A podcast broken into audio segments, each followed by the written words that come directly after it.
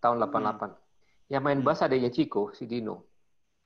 Terus Hmm. nggak tahu gimana Dino angkat tangan kayaknya dia susah pokoknya bagi waktu sekolah sama sama sama ngeband waktu itu. Waktu itu Dino sempat main beberapa kali gitu kan, terus sama Kiki main gitar. Terus gue bantu-bantu lah, kadang-kadang ada satu gitar, jadi dua gitar ya gue.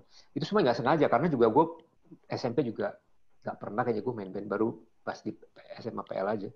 Hmm. Eh terus Kiki suatu hari bilang, e, gue mau main bass mulai dari hari- dari sekarang gue mau main bass. Ujian seni suara di SMP kelas 3 di Tarki nih, gitu ya. Seni suara. Nah, seni suara itu waktu itu gue inget gurunya namanya Bu Lili. Pokoknya terserah, lo mau berkesenian apa nanti dinilai. Nah itu gue inget gue nyanyi Rolling Stone. Ruby Tuesday gitu, depan guru Hmm. gitu. Itu Hmm. dapat nilai 9 gue.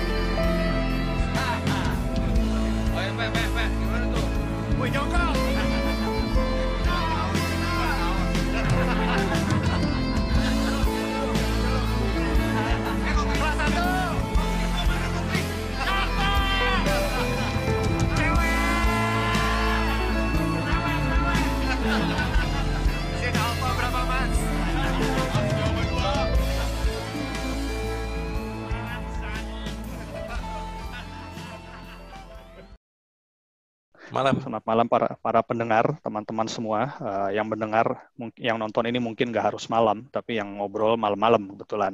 Eh, saya dari Mani, dari Manila, saya Ari AP, PL 93. Eh, biasanya ditemani Yuka PL 92 yang hari ini mungkin akan datang terlambat, jadi saya ditemani dulu oleh eh, Mas Ciko eh, dari Jakarta.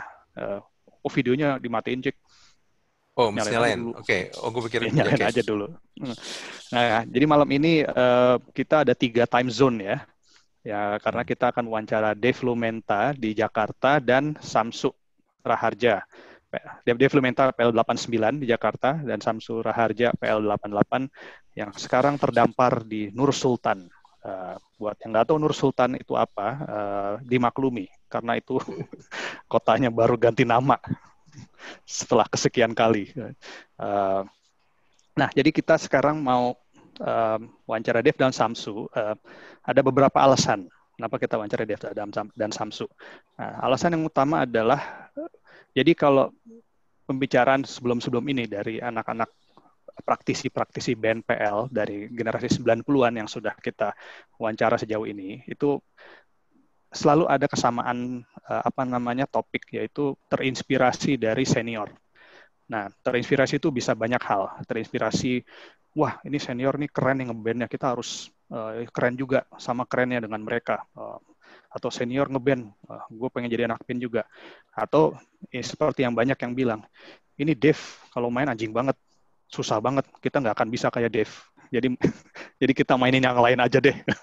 Jadi contoh-contoh bagaimana senior itu menginspirasi uh, in positive way tapi juga in apa namanya lawannya positif apa negatif In- in- intimidatif juga. in intimidative way. Nah, jadi, nah, bener. Nah, alasan kedua adalah uh, buat generasi 90-an, uh, Dev dan Samsu ini banyak di refer. Uh, jadi uh, generasi dari generasi 80-an yang masih banyak di refer oleh uh, teman-teman angkatan 90-an. Uh, jadi selalu kita nyebut, oh ya, kalau meru- merujuk ke angkatan 80-an, yang ngeband siapa? Oh, Dev. Oh, Samsu. Nah, jadi ini lo berdua tuh bisa dibilang bridge lah, bridging antara generasi 80-an ke 90-an. Uh, ya mungkin karena seperti ini juga, ini gue juga kalau gue bisa relate ke uh, Dev dan Samsu dalam hal musik meskipun gue bukan musisi saat itu, lebih banyak jadi panitia acara dan uh, wartawan Chris PL tentunya. Uh, ya Dave masih aktif di PL Fair lah, eh, Samsu juga. Tapi Dave juga eh, setiap PL Fair selalu ada.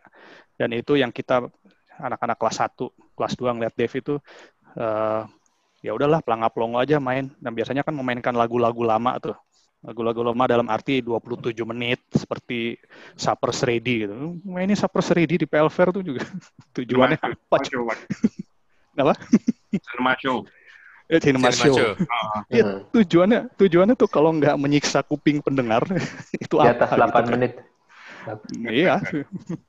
Dilanjutkan sama Bridging yang terakhir karena karena gue juga sempat main sama juga. Ah iya, betul. Hmm. Ah, itu itu bridging Ya. juga. Ya, ah. Ya. Ya itu itulah kemudian gue melihat Dave, gue personally melihat Dave saat itu ya ya senior masih main di PL Fair, masih main di malam perpisahan, mainin itu ketika 90-an ya kita mulai dengerin lagu-lagu Red Hot Chili Pepper, mulai denger lagu-lagu uh, indie rock atau alternatif rock, ya Dave masih membawa ELP atau Genesis tentunya. Nah, kalau Samsu, gue sebenarnya tahu Samsu pertama kali itu bukan dalam konteks musik, nggak sebenarnya musik juga sih. Jadi ya Samsu waktu itu mau tampil, eh, kita nyari lagi nyari pengisi acara di malam perpisahan. Eh, oh ya ada, yang bilang, oh kayaknya alumni eh, Samsu dan teman-teman mau main. Oh kita senang dong. Eh, walaupun ketika sudah menerima ajakan Samsu agak pusing, ya karena dibilang kita mau main 8 lagu, 8 lagu. Acara malam perpisahan. Isinya orang tua main 8 lagu. Ini gimana cara nyetopnya? Nah, tapi kemudian kita, um, waktu itu gue dalam rangka mau masuk mau melanjutkan kuliah, mau nanya mau masuk ekonomi UI, terus gitu, ah kayaknya mau masuk studi pembangunan ah gitu. Samsu datang ke kampus, so mau masuk studi pembangunan kira-kira gimana? Janganlah kata Samsu, janganlah masuk studi pembangunan. Dia kejebak juga dia kayaknya. Makanya, ya walaupun akhirnya masuk studi pembangunan. Nah, ya, wal- sekarang Samsu dan Dev juga Samsu ya pernah tercatat sebagai pengajar, Dev masih aktif sebagai pengajar, tapi eh, Samsu juga aktif sebagai eh, staff di World Bank. Tapi mereka juga tentu tentu nggak bisa lepas dari musik dan kelihatannya kalau anak PL eh, mendengar Dev dan Samsu tentunya nggak bisa eh, lepas dengan dengan musik ya. Kalau lo sendiri cek apa Oke. yang lo inget memorinya tentang dua orang ini? Kebetulan Samsu adalah ini adik a- apa teman adik gua. Ya walaupun dia juga teman adik gua juga sih karena adik gua kan 88 89. Jadi ya gua tahu Samsu juga dari dulu ya Su ya. Sebenarnya sih dari apa dari waktu SMA juga dan juga selepas dari SMA ketemu lagi di UI di FEU juga kan, ketemu di FEU juga. Ya. Dan beberapa kali Samsu juga bantu ya Su ya untuk apa bikin konser ya Su ya. Iya, waktu itu acara kita bikin Iya. akustik alchemy ada akustik alchemy Iya, ikutan. Pat Metheny Pat Group juga ikut. Iya. Akustik alchemy Samsu bantu-bantu aja dia. Bantu doa. Iya, bantu-bantu Trouble tech. Trouble tech juga, Dave. Lu nonton juga, Dave? Gue bantuin juga, gue panitia. Oh, iya lu bantuin juga lo, ya lu juga bantuin juga lo pada bantuin juga nyerah production tuh orangnya, promotor yang Hmm. bikin apa, ini orang pada nggak tahu. Yang kalau penontonnya rame gue bingung, kok banyak yang nonton. ya? Rider, inget yang. Nah, Oke, udah ada Yuka nih. Yuk, Oke, ini baru opening sih Yuk. Nah, Ntar diedit aja sama si Ito. Jadi tadi Ah, kita selamat openingnya malam. adalah kenapa Malam, Dave Kak. dan Samsu. Malam Yuk. Kenapa Dave dan Samsu ini kita ajak wawancara? Karena mereka tuh bisa kita lihat sebagai bridge ya antara anak PL anak band PL 80-an dan 90-an. Karena kalau dari wawancara kita dengan teman-teman angkatan 90-an, kalau mereka merefer kepada eh, siapa yang menginspirasi untuk jadi untuk ngeband, yang sering disebut adalah di angkatan 80-an ya Samsu dan Dave. Karena ya mereka masih aktif lah di beberapa kali PL Fair, malam perpisahan. Dev, Eh, Dev, lu mau dan- diwawancara, Dev, bukan mau diajak ngeband. Iya, harus sambil megang gitar. Itu Sama. terus Samsu main gitar, lu juga main gitar juga dia. dan Hamzah udah bawa gitar. Eh, dan yang waktu itu kita dengar adalah mereka menginspirasi tapi juga mengintimidasi teman-teman 90-an. Mengintimidasi dalam arti kalau mau ngeband, mereka mau ngeband karena Samsu dan Dev tapi ma- nggak mau main musik yang sama karena udah tahu nggak akan nggak akan bisa menang. Hmm. Nah, Yok, mungkin eh, tadi kita sempat nanya ke Ciko. Tadi gue juga ada bilang eh, bagaimana sih interaksi gue waktu sebagai anak PL dengan kedua senior kita ini. Mm-mm. Nah, lo sendiri ada memori apa yang lo inget mengenai Dave dan Samsu nih waktu lo masih jadi anak PL? Kalau Samsu sih, gue pernah pas masa keme pernah disuruh push up sama dia di lapangan Oke. volley yang merah itu. Iya. Apa? Lu nggak bisa push up? Gitu. Dia pakai ngerokok ngerokok Samsu. push up lu. Sampai rokok gua habis. lu berdua danu, gue inget banget tuh. Wih, banget ini yang satu. lu. Yang satu serem banget, matanya melotot-melotot gitu kan. Memorinya nggak pleasant banget ya. Yo.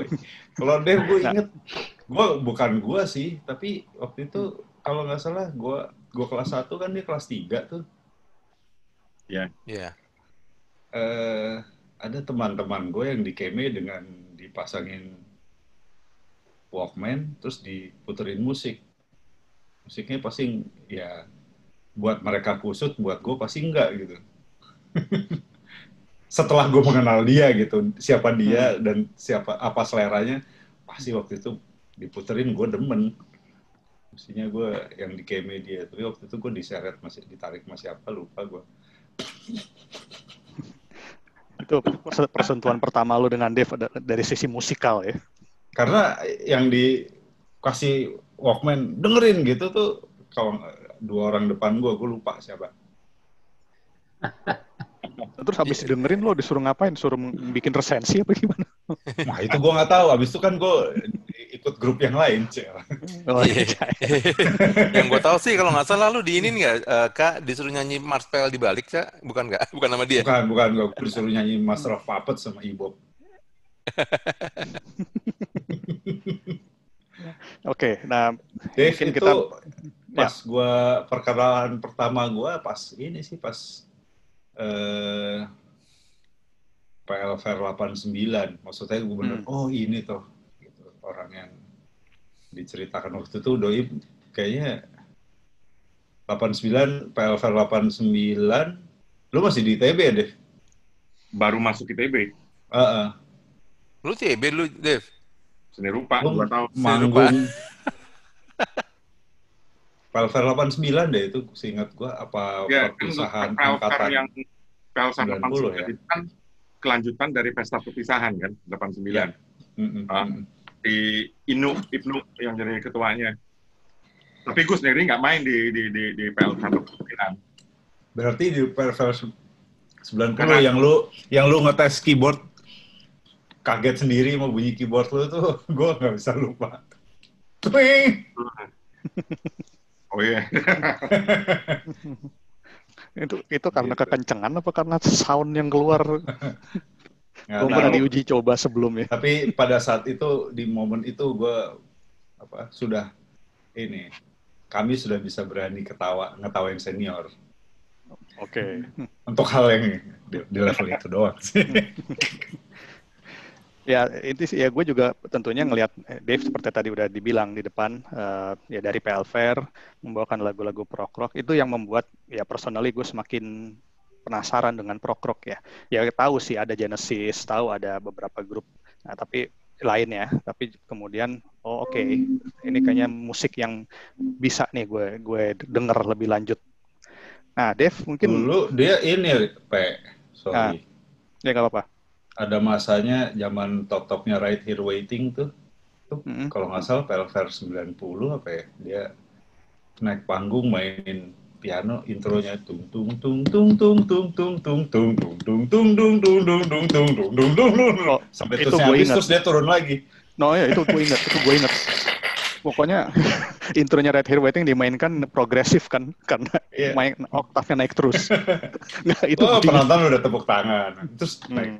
Satu. ke mana ke mana ke mana gitu. sampai habis terus saya udah terus, terus dia turun lagi. Iya. itu itu gue inget. Untung gua lupa tuh. Untung gua lupa. Nah, udah, ini karena kita dong mulai ngomongin Dave, sekarang Dave, eh, jadi bisa jelasin ak- aktivitas musik lu sekarang-sekarang ini apa aja, Dave? Karena kayaknya lu, Jadi nggak mau kronologis dari Samsu dulu ya? Samsu dulu ya. Mau Samsu dulu. Oke. Dari? Samsu dulu ya. enggak, justru justru Dave dulu aja, karena Oh, oke. maksudnya yang seka- yang sekarang eh, recently ini secara musik lu ngapain aja? Karena kayaknya ikut di cockpit segala.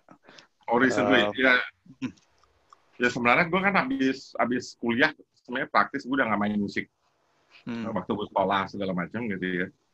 Nah sebenarnya momentum gue main musik lagi pertama tuh adalah pas gue lagi turun lapangan tahun 2007, Hmm. terus gue ketemu Yuka sama Anda. Hmm. Nah sebenarnya waktu itu gue juga karena udah lama nggak main musik, pas gue di Jepang, gue coba karena nggak punya alat musik, kan alat musik gue juga pada hilang-hilangan kan. Karena Hmm. pindah-pindah kos, dipinjam temen, hilang, ada yang dijual, temen gue udah meninggal, ada yang mabok dijual. Gitu. Jadi, jadi sebenarnya intinya mulai dari di Jepang, gue beli MIDI keyboard, gue, gue akhirnya belajar software gitu ya. Jadi ya bikin-bikin, bikin, tapi ya sebenarnya nggak serius. Nah, tapi momentum pas gue balik tahun 2007, gue lagi, terus gue di Galeri Cemara nginepnya. Gue ketemu Yuka. Nah, pada saat Yuka tuh lagi garap album solonya Anda. Nah, itu mulai, itu sebenarnya bisa mulai fase gue main musik yang agak lebih profesional, tanda kutip ya. Hmm. Meskipun pernah ngerjain iklan segala macam. Eh, oh, enggak, itu belakangan. Tapi sebenarnya momentumnya itu. Terus masuk studio, kita aransemen bareng-bareng satu lagu yang pusaran itu. Eh, nah, di situ gue mulai agak frustrasi karena gue nggak punya alat musik. Pakai software, terus keyboard di Jakarta minjem-minjem. Ingat ya, yuk. Minjem Iya. dari murid lo. Iya. itu agak frustasi karena software gitu ya. Nah, tapi habis itu pas gue selesai, ya gue balik Jepang, gue selesai. Nah, in the meantime, gara-gara ngerjain Anda itu juga ketemu Ija lagi, Riza Arsyad. Hmm. Nah, pas gue balik, baru minggu pertama gue balik, Ija langsung kontak gue, Dev, lu bantuin ya simak dialog, bantu soundscape. Hmm. Eh, jadi pas album Demi Masa, pas lagi Iya. final, eh, final stages recording Demi Masa, gue disuruh ngisi soundscape di satu lagu Karuhun. eh ya soundscape, jadi gue pakai pakai gentong aqua gue jatuhin, ya pokoknya gitu deh. Agak sosok apa namanya avant-garde, avant-garde gitu. Hmm. Eh, nah terus main. Nah pertama kalinya gue manggung lagi itu sebenarnya dengan simak dialog itu tuh. Eh, Salihara ya, Dev? di Gute yang pertama, yang kedua Oh, Salihara, duluan. yang, yang lo masih di Salihara kan. Nah, jadi- rekam tuh. Ah, nah dari situ kemudian ya ngerjain iklan tapi akhirnya nggak suka. Terus in the meantime kokpit itu Roni Harahap pensiun dari kokpit, Krisna nggak bisa main eh, karena Krisna sibuk pindahin. Akhirnya gue jadi ban serepnya Krisna di kokpit gitu ya. Eh, nah di situ udah, gue udah mulai belanja alat lagi gitu, beli gitar lagi, bikin penelitian supaya bisa beli alat gitu. Eh, kapin Oh. gitar gitu, bass, mixer gitu ya. Eh, akhirnya belajar synthesizer lagi. Nah itu sebenarnya juga momentumnya gara-gara akhirnya gue juga sebenarnya bikin jadi masuk ke scoring film gitu. Hmm. Karena istri gue produser film, Jadi scoring itu jadi juga sebenarnya momentum gue untuk untuk beli belanja alat lagi segala macam. Eh, ya udah kokpit, kok kokpit itu udah 10 tahun lah gitu ya, hampir 10 tahun. Tapi in the meantime ya sempat ngejam sama mata jiwa. Jadi sebenarnya Hmm. mainnya akhirnya juga main sama yang yang segenerasi sama yang nantinya juga lebih muda dikit gitu ya. Mata Hmm. jiwa terus Yuka juga sempat ngajak gue ngisi di Grips. Eh, ya, ya jadi scoring cockpit yang sekarang gitu ya cockpit meskipun eh gue lagi mau fokus itu sebenarnya ke proyek solo, ya lah. Hmm. Eh, proyek solo, proyek mangkrak 12 tahun sih sebenarnya. Eh, ya udah sama terakhir sama si Zikana Popo itu gitu ya, sama Leo. Jadi ketemu anak-anak PL lagi yang yang yang, Hmm. yang sebenarnya udah kenal lama tapi eh, masih lagi sama mereka. Nah ya jadi kurang lebih eh, kayak gitulah gitu ya. Jadi musik dibilang ya profesional, ya kalau udah ngomongin scoring itu profesional, tapi sebenarnya gue tetap lihat itu sebagai hobi yang porsinya sama sama kerjaan gue yang utama gitu ngajar. Hmm. Semuanya intinya hidup tuh harus kumpulan dari hobi-hobi. Oke. Sepakat. Jadi sebenarnya Dave, sorry, Dave, sorry, eh, pernah main pernah main sama ini, pernah main ELP juga ya di mana? Di Salihara. Oh ya itu sebenarnya gara-gara Tony Prabowo. Oke. Tony Prabowo waktu itu Sama Krisna sama Dame ya, benar atau? sama Dame benar. Ha. Ya, ha. Terus Gandhi yang main drum. Itu Gandhi, juga ya. sebenarnya ide dadakan sih sebenarnya jadi 2016. Jadi 2015 sempat ketemu Tony Prabowo nongkrong biasa lah gitu ya. Hmm. Ternyata dia juga proghead. Proghead Oh iya banget ya. Yalah. punya ide.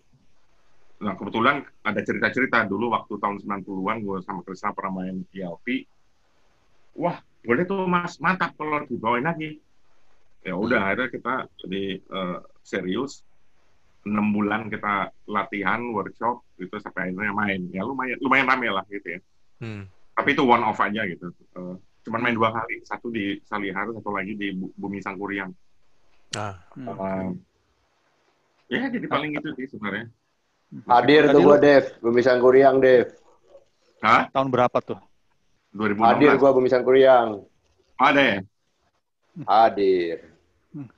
Nah, ta- tadi Jadi lo itu- nyebut, Dev, waktu itu kita sama Benny Subaja. Hmm. Hmm. Tadi lo nyebut turning point-nya 2007 ya setelah lo pulang dari Jepang itu ya sekolah di Jepang. Maksudnya turning point itu dalam arti lo mulai benar-benar serius secara profesional menjadi musisi profesional. Artinya apakah sebelum itu lo nggak menganggap diri lo sebagai musisi profesional gitu? Ya, gue nggak pernah lihat itu sebagai profesional karena karena pertama profesi gue bukan di situ. Hmm. Meskipun tipe dari kerjaan-kerjaan itu kadang-kadang bisa dibilang profesional gitu ya. Ya sebelum gue ke Hmm. Jepang aja, gue sempat sebagai contoh dulu tahun 90-an pernah disuruh garap musik closing untuk kaleidoskop olahraganya FCTI. Itu tahun berapa ya? Oh, Sembilan- oke. Hmm. itu 96. Eh, terus jingle radio. Tapi ya or- eh, ya satuan lah gitu ya. Jadi nggak nggak Hmm. permanen.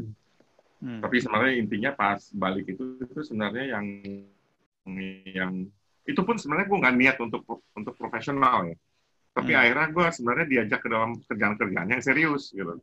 Ya, terutama Oke. scoring ya. Kalau yang gue anggap profesi scoring karena sekarang udah garap eh, empat film. Jadi ya sebenarnya udah bisa dibilang kalau untuk hal kayak gitu profesional. Hmm. Cockpit itu semi semi pro gitu ya. Karena cockpit itu sebenarnya kayak latihan olahraga aja gitu ya. Sebenarnya repertuar cockpit juga sebenarnya ya gitu-gitu aja. Cuman untuk karena gue main sama yang lebih tua dari gue, bagi mereka itu sebenarnya untuk jaga sebenarnya Hmm. juga jaga skill sama kognisi sebenarnya gitu ya. Dan bagi gue itu ada gunanya gitu. Hmm.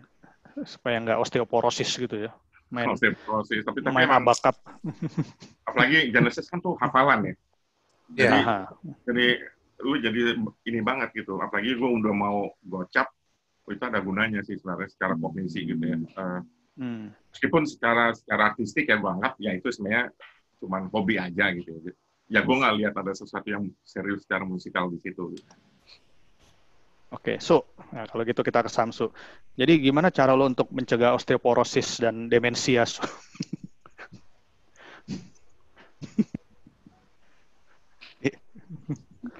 Jadi secara musik banyak-banyak pakai remason aja. remason. Gitu-begitulah. jadi pertanyaannya Sama. sama ya. Mengurangi Pertanyaannya sama. Yang bikin asam urat, gitu-gitu Nah. aja. Nggak, di pertanyaannya sama sih. Jadi kayaknya em, kalau waktu di Jakarta eh, sebelum lu pindah ke Myanmar kan masih masih sempet tuh nyari-nyari waktu nge-gig ya sama teman-teman lama. Kalau di Yangon dan Nur Sultan, lo ada waktu nggak atau ada ada partner nggak untuk gig di mana gitu? Oh, nggak ada. Nggak ada. Nggak ada. Nggak ada. Nggak. Em, nggak ada. Em, juga kesempatan juga juga juga jarang ya. Alat Hmm. juga gue nggak bawa banyak kan. Jadi ya emang Cuman- udah udah dibilang eh, minim banget ini apa eh, aktivitas musik. Eh, Hmm. Malah dibilang, gue bilang malah sebelum berangkat ke Amerika untuk sekolah itu udah selesai gue. Maksudnya gue juga nggak pernah nggak kayak Dave ya, masihnya ada ada progres ke masuk Hmm. ke eh, network orang-orang musisi pro gitu. Hmm. Gue tahun 93 kan udah udah selesai 93 94. Mungkin terakhir sama yaitu Dave yang band ganti-ganti nama itu sama ala almarhum Kiki Calo, Once segala macam di kampus. Hmm. Udah itu aja. Di UI. Eh, se- se- setelah itu nggak nggak nggak nggak pernah dan dan gue juga kayaknya eh, mentok karena nggak sama sekali nggak punya eh, pendidikan formal background musik formal dan semuanya karena eh, Kiki tiba-tiba Kiki itu tadinya main gitar di band PL tahun 88 yang main Hmm. bass adanya Chico si Dino terus Hmm. nggak tahu gimana Dino angkat tangan kayaknya dia susah pokoknya bagi waktu sekolah sama sama sama ngeband waktu itu waktu itu Dino sempat main beberapa kali gitu kan terus sama Kiki main gitar terus gue Hmm. bantu-bantu lah kadang-kadang ada satu gitar jadi dua gitar ya gue itu semua nggak sengaja karena juga gue SMP juga nggak pernah kayaknya gue main band baru pas di SMA PL aja Hmm. Eh terus Kiki suatu hari bilang, e, gue mau main bass mulai dari dari sekarang gue mau main bass. Jadi padahal gitar dia tuh Yamaha beneran yang dari Jepang, alat-alat semuanya dari Jepang karena bap- alma, bapak bapaknya dia tuh almarhum papanya Kiki dulu itu eh, Kapten Pelni yang suka bawa mic bass LNG Pertamina Oke. di Jakarta ke Jepang segala macam. Jadi kalau pulang tuh bener-bener bawa bos yang tahun segitu tuh bener-bener produksi buatan Jepang yang yang alatnya lengkap segala macam. Terus dia decided dia berhenti, lu aja main gitar mulai hari ini dia bilang begitu. Jadi kan nggak nggak kelabakan gitu kan. Sebenarnya Kiki backgroundnya eh, musik formal, main jazz bisa, dia gripnya juga fingerworknya juga jauh lah ini. Jadi gue ya dadakan aja sebetulnya waktu itu Hmm. kayak tiba-tiba tambal gitu, dimasukin gitu, dijorokin gitu, main gitar mulai sekarang gitu. Eh, ya udah, that's that's the awalnya dari Hmm. situ. Kalau singkat gue Jadi dulu Dino juga main ngerasa bass nggak- karena sama, sama satu sama-sama sama SMP-nya Tarakanita 5 kan sama Kiki ya. Enggak, ter- eh, terus terus kok. Terus ya di, di Eh, PSMA juga masih terus, main ya. ha-ha, terus, Ha-ha.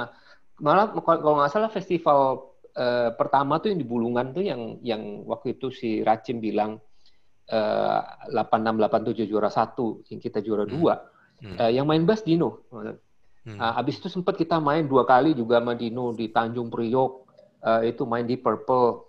Di mana lagi di di Stadion Menteng waktu itu sama Slang juga Hmm. eh, main gitu ya. Itu Dia main bass Dino.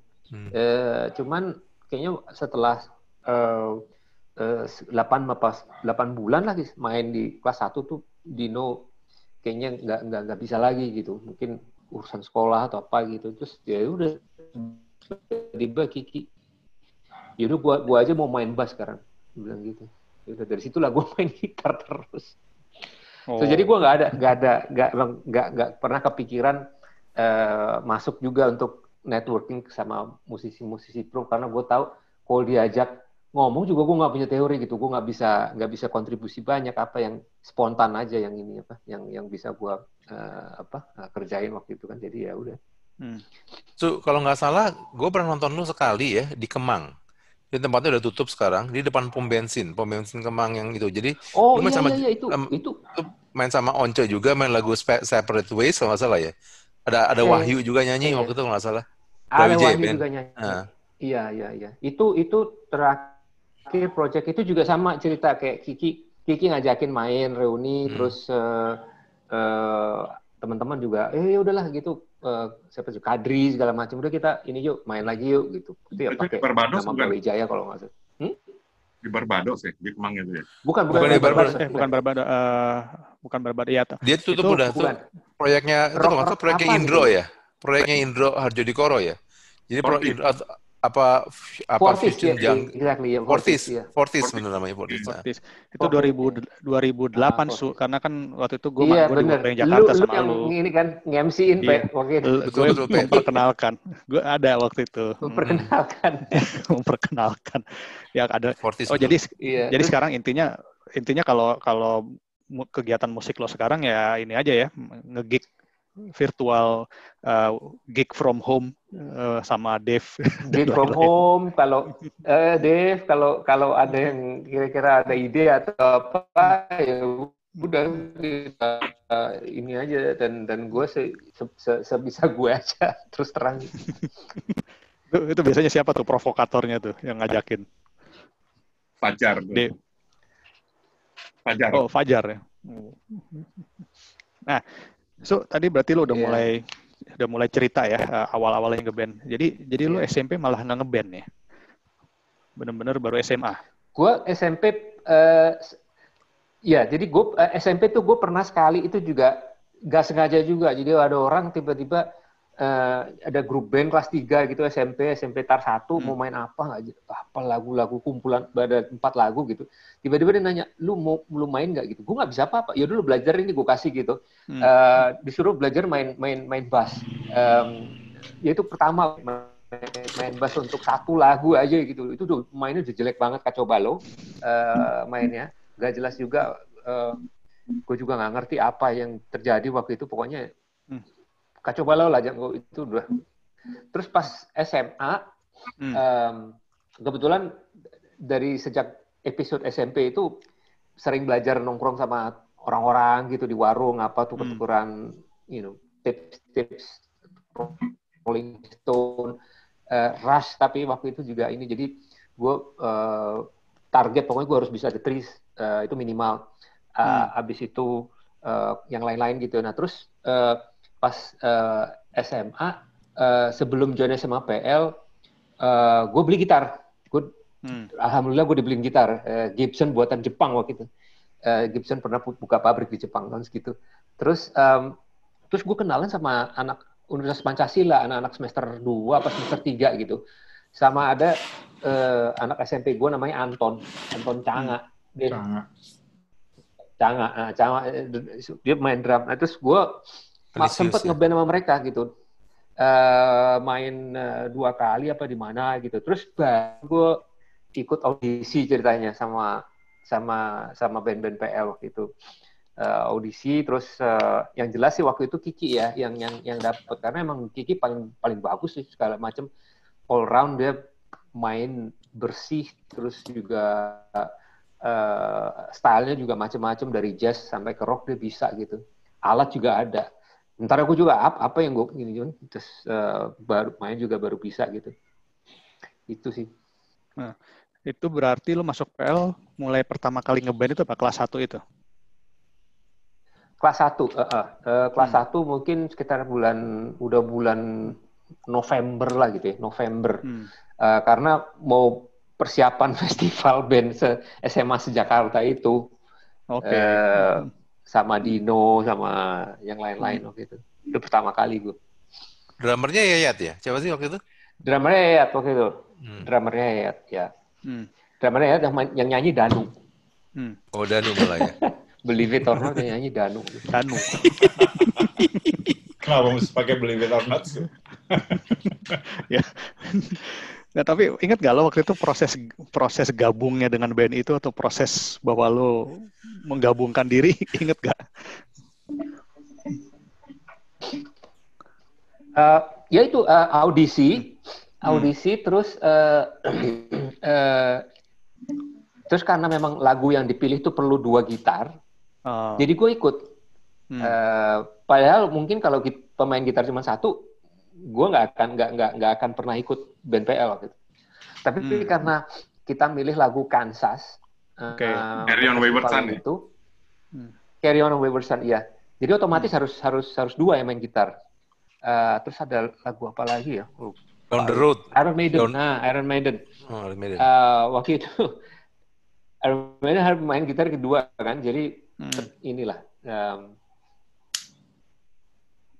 Nah, itu, itu berarti Gitu. band lo yang pertama. Jadi selama lo di PL, inget nggak, Su? Ada berapa band? Lo, lo tergabung sama berapa band yang berbeda? eh, gue kelas 2 sih ikut eh, tetap ikut ya gue tetap mm, eh, di band PL waktu itu sama Racim sama Yayat Eh, sampai kelas 3 eh seinget gue eh Dev waktu itu kayaknya teman-teman lu juga bikin kan ya Dev yang sempat main sekali atau dua kali di acara gitu ya Eh, pas Iya. gue kelas 3 Ah, Uh, tapi um, kayaknya sih waktu selama gue di SMA memang lebih banyak uh, kita sih yang main uh, yang Hmm. apa uh, keluar bawa nama PL um, uh, lebih lebih banyak kita waktu itu. Hmm. Si tadi gue mau nanya apa sih? Eh, jadi yang festival band itu waktu itu hasilnya apa ya? Waktu itu kayaknya lo cerita ada, cuman gue lupa hasil hasil apa namanya akhirnya sih festival enggak itu. gitu. Hasilnya waktu itu ya ya kita juara dua se Jakarta. Ya. Uh, juara satunya anak kelas 2, anak kelas 3. Jadi PL tuh juara satu duanya dari dari SMA PL. Oh oke oke. Hmm. Nah dari Lumayan, situ terus- kapan kap, kap- kapan lo masuk Brawijaya tuh? Brawijaya itu sebetulnya prosesnya nggak jelas juga tuh. Eh, Hmm. eh, gue lulus em, waktu itu sekolah eh, di Bandung waktu itu sama ketemu Maki juga di di Unpad Hmm. Parayangan. Itu udah udah udah gue pikir udahlah selesai gitu ya. Udah udah Hmm. udah udah waktu itu cuman ngeband cuman untuk SMA doang. Terus eh, Yayat tuh masih terus. Yayat Hmm. eh, sama eh, siapa waktu itu ya? Masih Kiki, masih ada Hmm. kan? Yayat, Kiki, eh, Yudi segala macam masih masih ada gitu. Dan dan mereka masih main terus eh, keep main keyboard Racim eh bukan bukan Racim pergi udah di Amerika. Si ini si Krishna. Nah mereka ini Hmm. yang yang yang yang terus gulirin gitu. Selama udah lulus ya udah pakai bawa nama Brawijaya. Gue juga nggak ngerti eh, apa apa apa motifnya apa segala macem. Em, sepertinya juga nggak ada legal agreement yang jelas gitu. Brawijaya itu punya siapa gitu. Ini dipakai aja sama anak-anak gitu Em, terus sampai kuliah tapi setelah kuliah gue pindah ke Jakarta gue malah nggak ikut di Brawijaya Hmm. Karena saat itu yang Eh, Brawijaya udah jadi band kontraktor Kadri. itu ya. Hmm.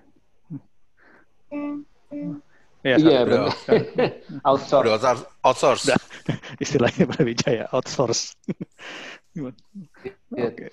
Hmm. Berarti yang Oke. di Brawijaya tinggal siapa ya, Su ya? Waktu itu Kiki ya?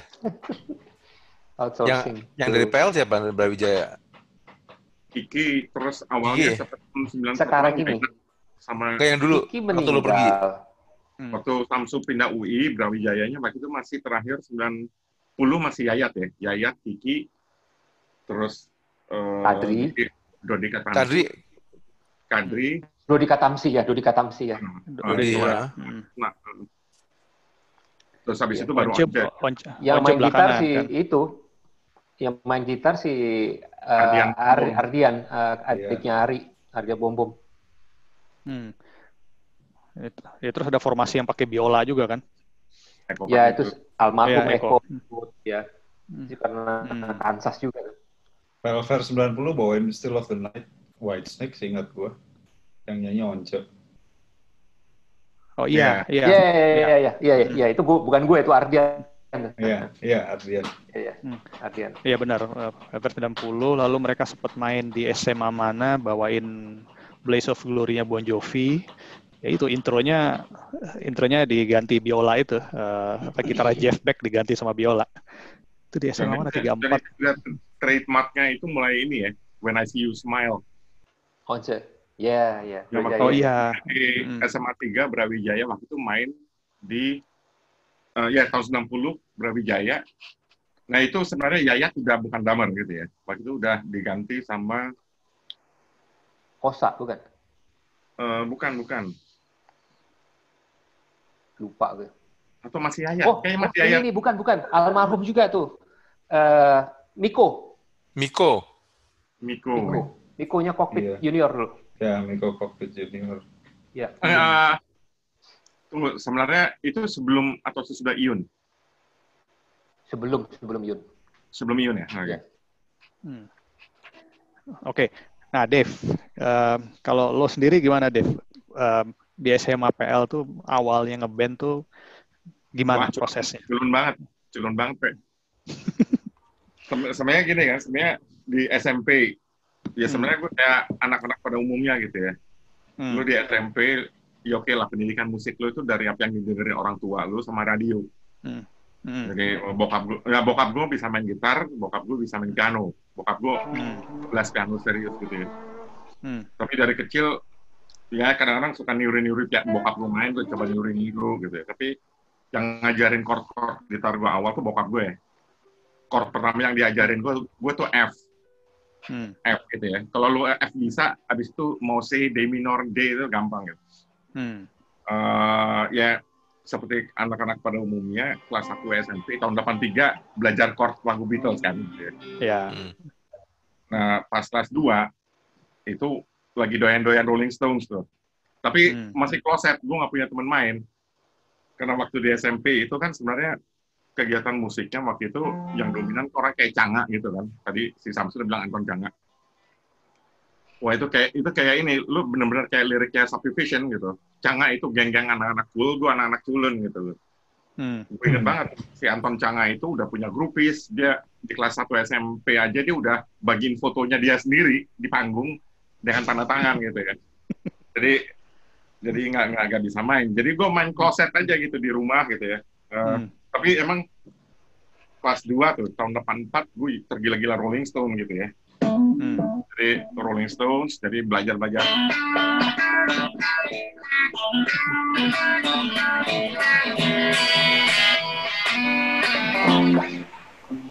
Nah, dan proses Rolling Stones saya sebenarnya abis itu ya udah di rumah aja sampai saatnya ujian seni suara di SMP kelas 3 di Tarki nih gitu ya. Sini suara. Nah, seni suara itu waktu itu gue inget gurunya namanya Bu Lili. Pokoknya terserah lo mau berkesenian apa nanti dinilai. Nah, itu gue inget gue nyanyi Rolling Stone. Ruby Tuesday gitu, di depan guru Hmm. gitu. Itu Hmm, dapat nilai 9 gue.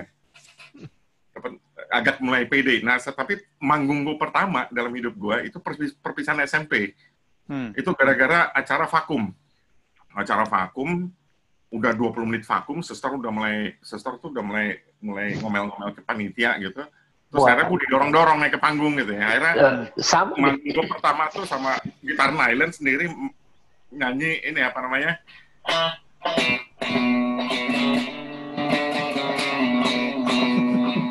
I can get no satisfaction. Nah sebenarnya dari situ jadi, jadi itu manggung gue pertama tuh itu gitu ya. Gue inget banget di, di aulanya aula apa namanya aula gereja gereja B itu. hmm, Nah tapi sebenarnya gue juga di satu sisi gue dengerin Genesis. hmm, Seperti umumnya anak-anak gue gitu ya. Kita punya The Best of Genesis, dengerin, dengerin, dengerin. Nah pas gue kelas 3 SMP, gue lagi tergila-gila denger Genesis era Peter Gabriel, Trespass, segala macam gitu. Karena masih gitar gitu ya. Gue tuh Hmm. belum ada bayangan main keyboard.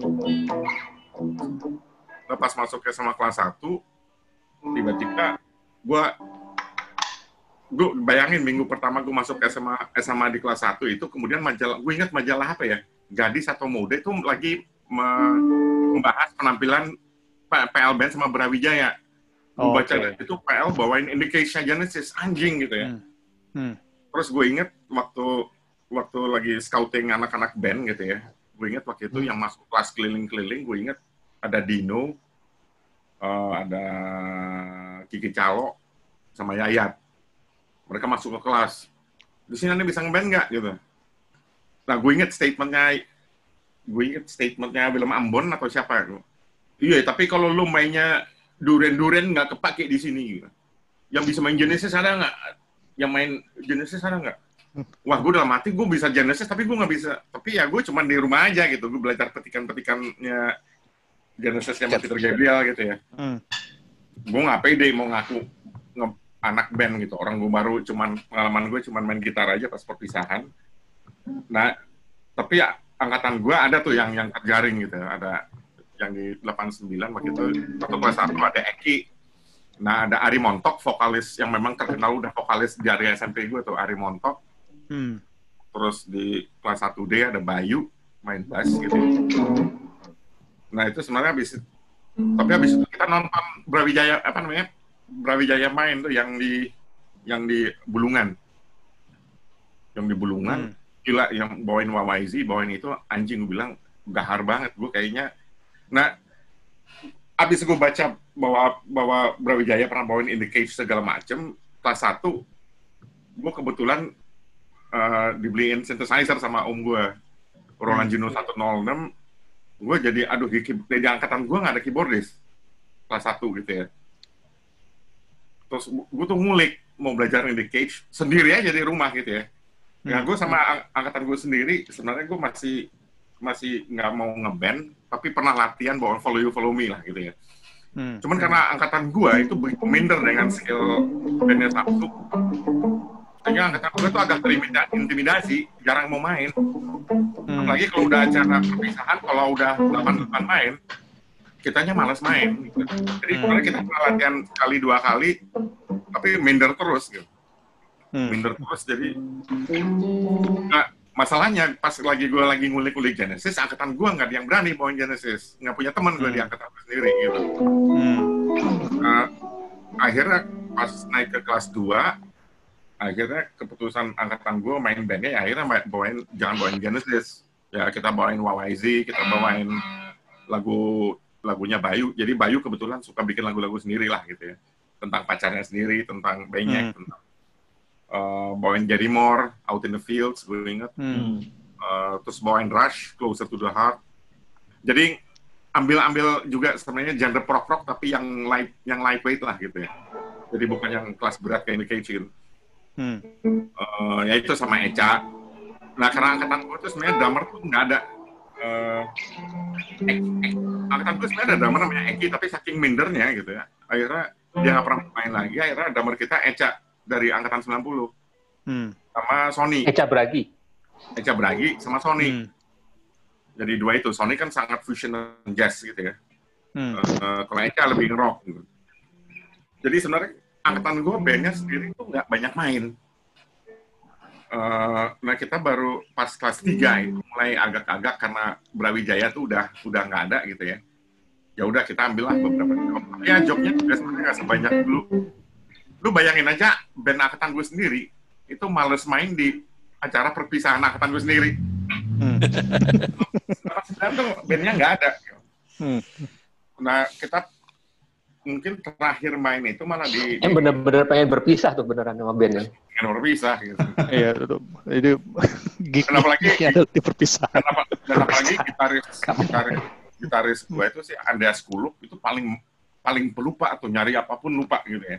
Nah, adik adiknya Miki tuh, Din. Eh, Cik. Andreas. Oh, Andreas Kuluk.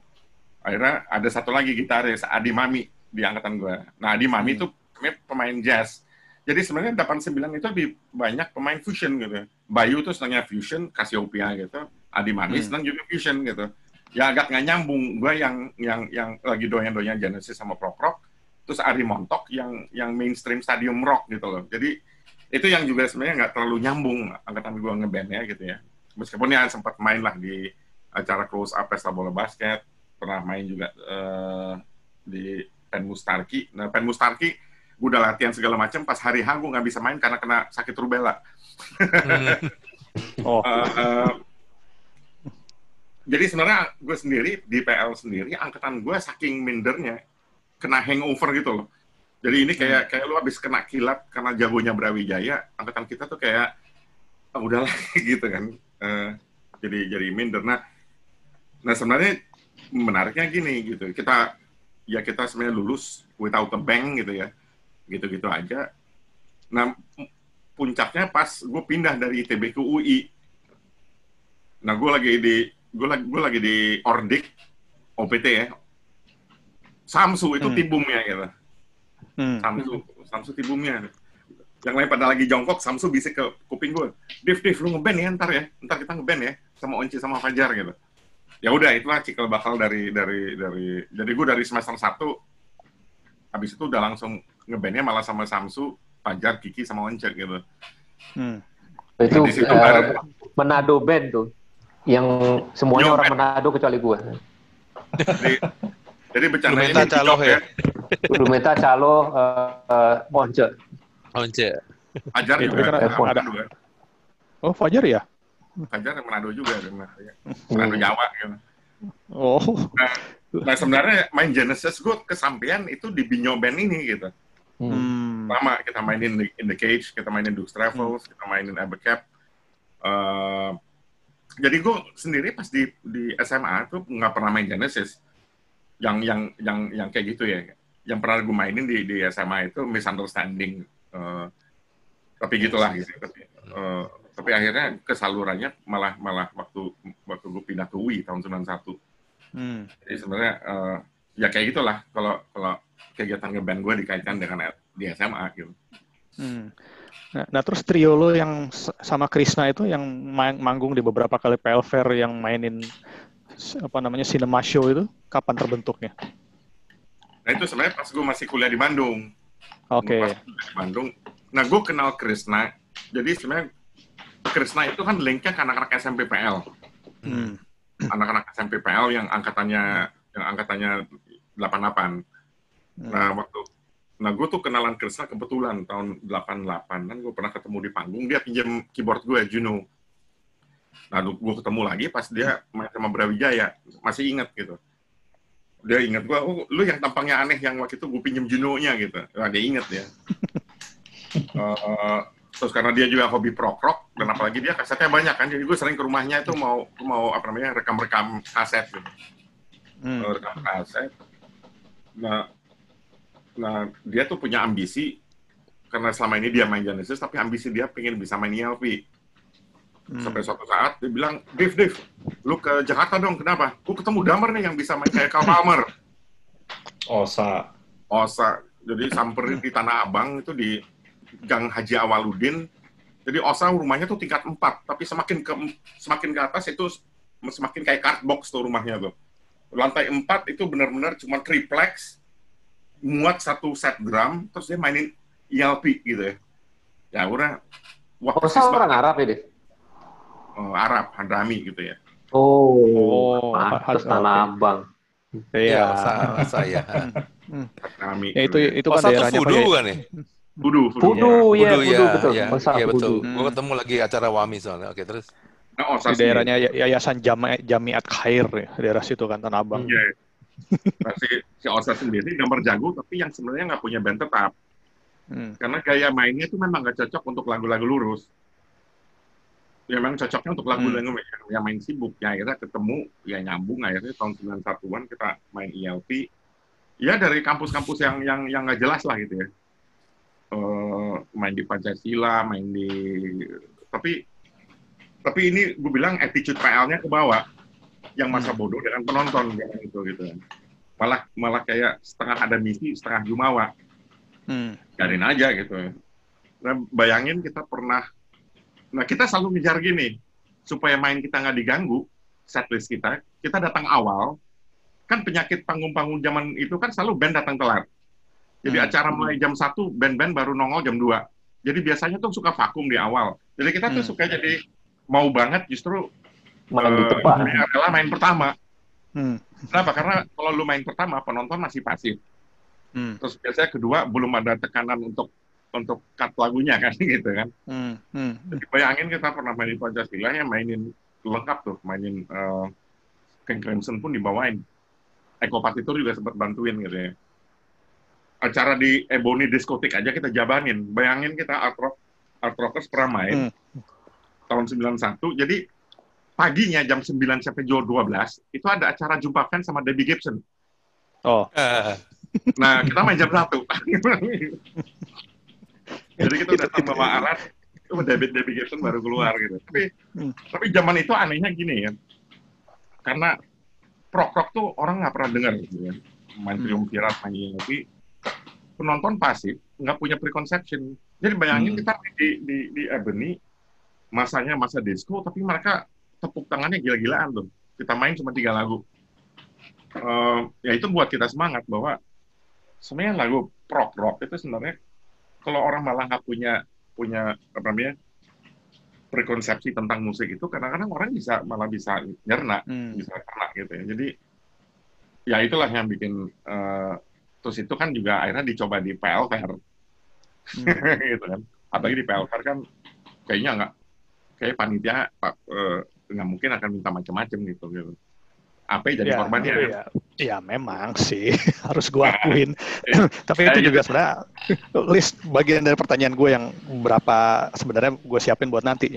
Ya ketika lu main ELP di tahun akhir 80-an dan ya awal 90-an lah gitu kan. Ya tentu lo main itu bukan dalam tujuan buat nyari cewek, nyari popularitas gitu, tapi Oh, mungkin enggak. Jelas enggak. jelas enggak. Iya makanya jadi apa yang sebenarnya dalam dalam pikiran lo ketika orang-orang nonton, lu sebenarnya memperhatikan penonton apa enggak tuh dengan lagu-lagu itu? Reaksi penonton gimana sih? sebenarnya concern concern gue zaman itu sih bisa main rapi itu aja sih sebenarnya bisa Hmm. main rapi tapi tapi gini kalau lu main di PL udah pasti mau mau mau asal lu main rapi gue tahu di PL orang sih pasti akan akan akan appreciate ya gitu ya Ya.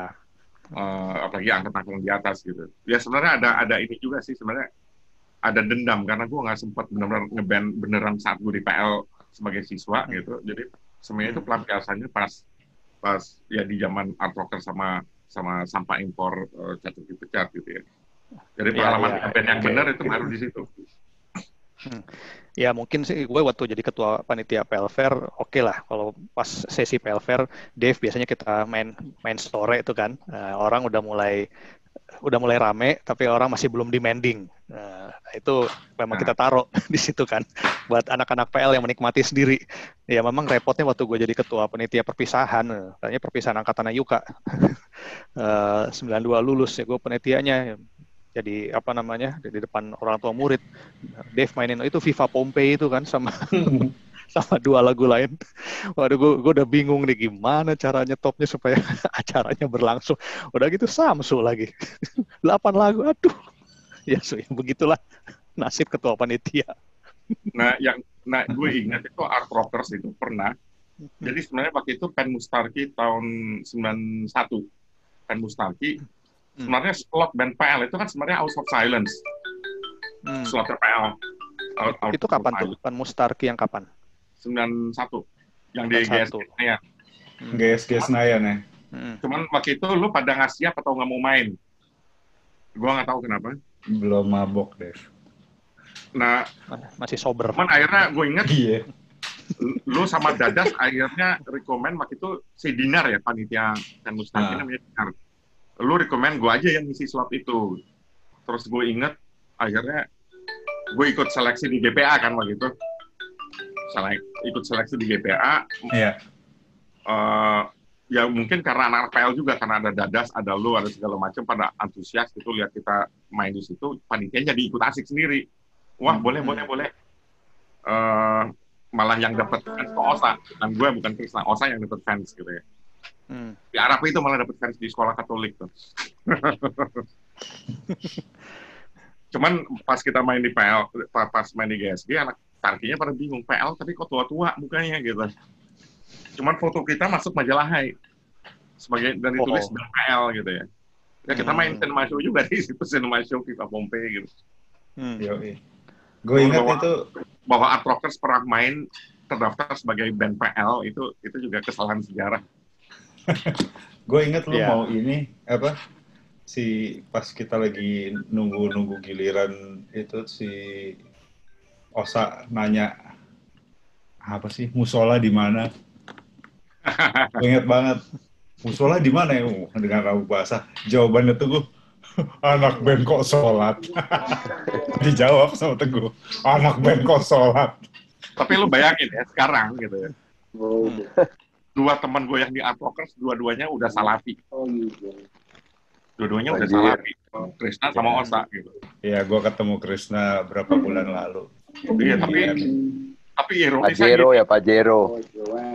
cuman ironisnya gini, kita punya WA art rockers, Hmm. sebenarnya nggak jelas gunanya apa, tetap aja ngomong jorok dua-duanya.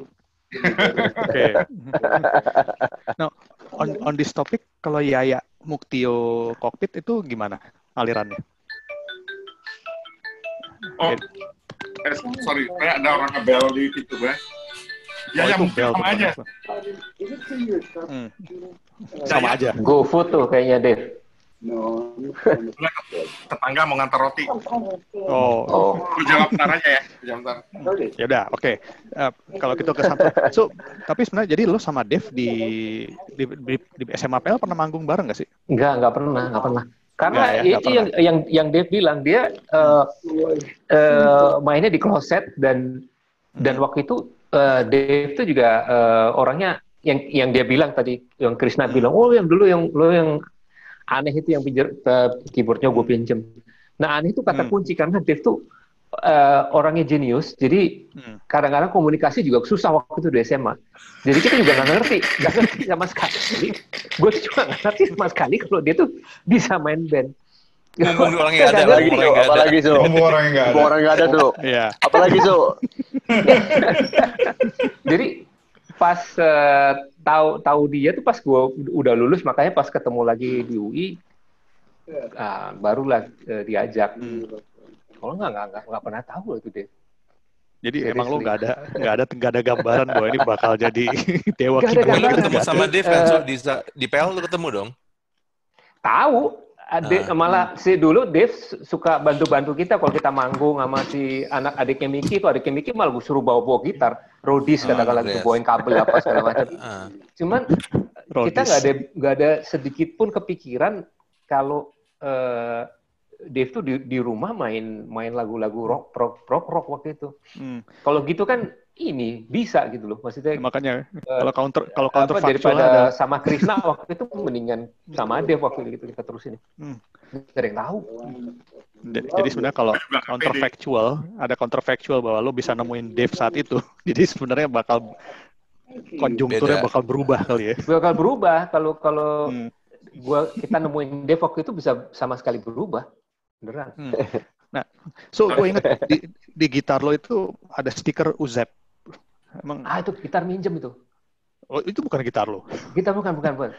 Gua Oh, oke. makanya gua kalau Dave nggak pede Hmm. masalah artikulasi segala macam ke gua nggak pede main musik karena gua nggak punya alat.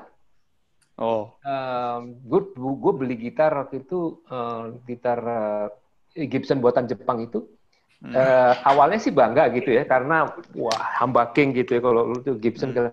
cuman eh, nggak fleksibel Eh, dia karakternya ini doang apa hanya untuk kayak lagu-lagu Kansas lagu-lagu eh, apa eh, heavy heavy rock metal gitu dan Hmm. dan akhirnya untuk eh, lagu-lagu yang lebih lebih apa kayak lebih pop segala macam gua nggak bisa akhirnya ya udah minjem sana sini dapatlah gua gitaran Hmm. gitar pinjaman sama juga tuh gue minjem gitarnya Dino tuh gitar lu cik Fender lu tuh masih ada nggak cik Stratocaster. iya Hilang, nggak tahu ke mana gue dah. wah Waktu itu dibenerin tempatnya bintang, habis itu hilang.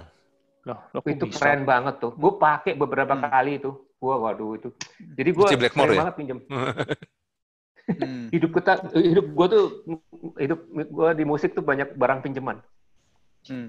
Ya, makanya waktu itu karena lo mainin gitar yang ada stiker Uzep-nya, gue pikir lo juga at one point pernah mainin jazz gitu. Ah, itu Enggak, terpaksa bukan ya? juga itu juga unsur, unsur intimidasi Juga, Oh. tapi di, di kampus waktu itu senior senior gue eh, maksa kalau bisa lu juga inilah bantu kita lah alasannya gitu Hmm. bantu lah bantu Oh. lah padahal gue background apa juga Hmm. Hmm. Ingat pas lu di FE itu lu sempat mainin lagu-lagu karangan sendiri. Jud- Judulnya Kolam Renang. itu ya di bakso Eh, satu lagi apa? Gus Dur Funky Style apa iya judulnya? Nah, Dave, kalau Ma- gitu Masih ada tuh Su lagu-lagunya Su. oh itu eh, lupa gue tuh ya Oh nggak ada, lo nggak megang. nggak megang Cakep tuh kalau ada. Kalau gitu cerita Nggak nggak pernah nggak pernah rekam. Zul? Nggak pernah, nggak pernah. Hmm. Mungkin Edi, Edi Batu tuh yang inget ininya. gue sih lupa. Jadi gua. Basu kacamatanya udah lupa dia. Bisa latihan band, kacamata gue tinggal di atas paling taruh begini sama dia. Tuh dia kalau add gitu, kacamatanya udah lupa, gue bilang gimana lagu. Nah, eh se- se- tadi gue mau nanya Samsul tapi ke, ke- lupa ke Dave dulu. Jadi kalau cerita lagunya Benyeku sayang tuh gimana? Itu lagunya Bayu sebenarnya. Oke. Dan dan sebenarnya se- dan sebenarnya gitu kan, itu bukan niat bikin lagu tentang banyak. Lu jameng-jameng jadi lagu, judulnya apa ya? Banyak ku sayang, ya udah. Nggak ada apa juga tuh filenya, Dev. Hah? Nggak ada juga tuh lagunya, filenya. Nggak ada, tapi kalau disuruh mainin lagi, gue masih inget. Oke, tadi sih sebenarnya udah udah kegali nih eh, Samsu kapan mulai ngeband ya itu ketika apa namanya SMP dan jadi lu mendefinisikan proses lu ngeband itu banyak kan kecebur ya nggak sengaja ya. jebur nggak sengaja modal bermodalkan barang pinjaman dan akhirnya juga gue nggak pede untuk dan nggak ada Hmm. ba- background formal akhirnya gue nggak pede terusin terusin Nah, tapi dari sebagai berbagai ke nggak sengajaan itu yang kalau lo yang bisa definisikan sebagai orang yang berperan sebagai eh, buat lo secara musikal dari lo kecil sampai remaja itu kira-kira siapa sampai lo pengen akhirnya ngeband? Eh, orang yang berperan Iya. eh, nggak ada sih boleh dibilang keluarga gue juga nggak ada yang main main band Eh, Hmm. eh, almarhum bokap gue nggak nggak ada nggak nggak nggak keluarga yang jelas bukan tapi kayaknya waktu di SMA itu lebih ke eh, lebih ke brotherhood aja gue pengen nih sama anak-anak sama teman-teman gitu Hmm. karena eh, kesenangannya tuh kayak kesenangan bareng gitu kayak umur-umur segitu gitu kan kalau ngumpul apa semuanya kayaknya pengen terus saya bareng lama-lamain nongkrong gitu waktu itu Ya, lo- yang lo Ya, bilang itulah apa namanya? gue. Nah, yang lo bilang tadi apa tongkrongan, yang lo belajar gitar, dengar musik dari orang-orang Iya, tongkrongan iya. tuh yang di mana? Di, di warung dekat rumah. Warung eh, di belakang rumah gue sama waktu Oh, itu di SMP juga di SMP Tar 1 Hmm. eh, kadang-kadang juga nongkrong di warung gitu ya main-main Hmm. gitar kayak gitu-gitu tapi ya tapi nggak ada yang inspire gue untuk terus Warung yang ada monyetnya itu ya, Su. kenapa Warung yang ada monyetnya. warung ada monyetnya yang ada Hmm. kabel Ulus, apa tuh ulus, ulus, ulus. iya. Iya, cerita dong. monyet Supir lu yang punya kaset Led Zeppelin nih? Ah iya, eh, tapi eh, jadi eh, horizon apa spektrum musik gue tuh lebih banyak Hmm. dipengaruhi supir juga. Jadi eh, pada satu saat tuh gue eh, dapat supir yang bukan eh, dari kelas apa e- ekonomi bawah. Jadi Mhm. dia kelas middle class dari Surabaya. Tongkrongan Oh. dia tuh kayak di, Su- di Surabaya itu ekuivalen geng pegang saham Jakarta waktu itu. Lah kok bisa? Dia nongkrongnya tuh di Surabaya tuh tem- teman-temannya anak VW apalah anak band di Surabaya anak disco segala macam nah itu Hmm. gue banyak banget tuh dicekokin kaset-kaset grup-grup aneh tuh sama dia Eh, dari situ gue inilah kebuka gitu yang hal-hal yang yang gue nggak pernah dengerin sebelumnya gitu Led Zeppelin salah satunya eh, apalah gitu ya Eh, Blue Blue Oyster Cult Eh, siapa yang ngerti Blue Oyster Cult waktu itu ini Hmm. uh, Jethro Tull gitu. Jadi gara-gara supir gue tuh, Kansas. Oh oke, nggak tapi tapi gue bisa eh, relate sama, gue bisa relate sama sama cerita ini karena in some ways waktu itu pas gue SD SMP sampai awal, ya sampai SMP lah, SMA juga tuh eh, banyak gue dengerin kaset tuh dari koleksinya supir gue ya Queen, waktu itu ya beberapa termasuk yang dari apa namanya lagu-lagu Indonesia ya waktu itu kayak Ikang Fauzi gitu. Sapu tuh for some reason dari dari dari supir gue orang Betawi sih tapi ya saat itu memang kayaknya yang yang didengerin tuh antar kelas tuh relatif sama ya Eh, Ya. termasuk termasuk ya lagu Susana di Art Company Hmm. oke so, oke ini menarik karena artinya lo mendefinisikan em, koleksi kaset salah satu yang berperan ya supir lo gitu ya Supir ya, karena Nah. eh, bokap gue gue nggak bisa udah nggak setuju apa yang sama yang dia dengerin waktu itu kan musik-musik Anikarya Safari waktu itu oh nah pas lo masuk SMA saat itu eh, siapa orang atau temen eh, teman sekelas atau teman-teman sekolah yang lo anggap ini referensi untuk eh, dengerin musik, maksudnya atau referensi bareng-bareng toko kaset ada nggak orang-orang spesifik? Enggak, enggak. Itu lebih ke ke kelompok juga ke eh, waktu itu gue selain sama anak-anak band itu gue juga Hmm. ikut sama anak-anak GPA. Nah anak-anak Hmm. GPA senior senior GPA itu eh, punya referensi beberapa referensi musik juga kayak Ocep Wenas bawa lagu Hmm. apa ke camping, Hmm. almarhum Alberto Bule juga bawa lagu apa ke camping bawa gitar. Itu juga yang mempengaruhi spektrum Hmm. yang gue dengar waktu itu dan Hmm. tambah lagi gitu oh gua, itu mereka bisa tuh kayak gitu gue juga pengen bisa ah, kayak gitu tuh semacam Hmm. gitu Nah itu kayak jadi, nah kayaknya seleranya si Ocep segala macam tuh jadi standar semua anak yang menurun sampai angkatan gue gitu ya. Jadi gue ingat kelas 1 Oh, oke. gara-gara Bra- Brawijaya pernah bawain Our Song, akhirnya wajib gue punya jas yang 90125 yang album gitu ya.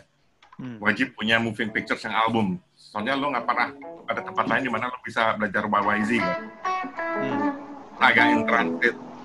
Um, jadi hampir semua angkatan gue pasti punya itu. Saga in Transit, Genesis 3 Side Live, uh, Rush, Moving Pictures, atau paling nggak The Best of Rush gitu ya.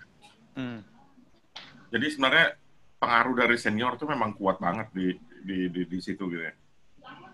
Iya. Terlepas terlepas dari kenyataan misalnya Genesis adiknya nyokap gua om gua itu punya koleksi piringan hitam Genesis gitu.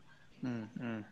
Tapi sampai gue SMP, gue nggak pernah nyangka bahwa selera ini Genesis yang berat-berat itu masih aktual di PL gitu. gitu ya.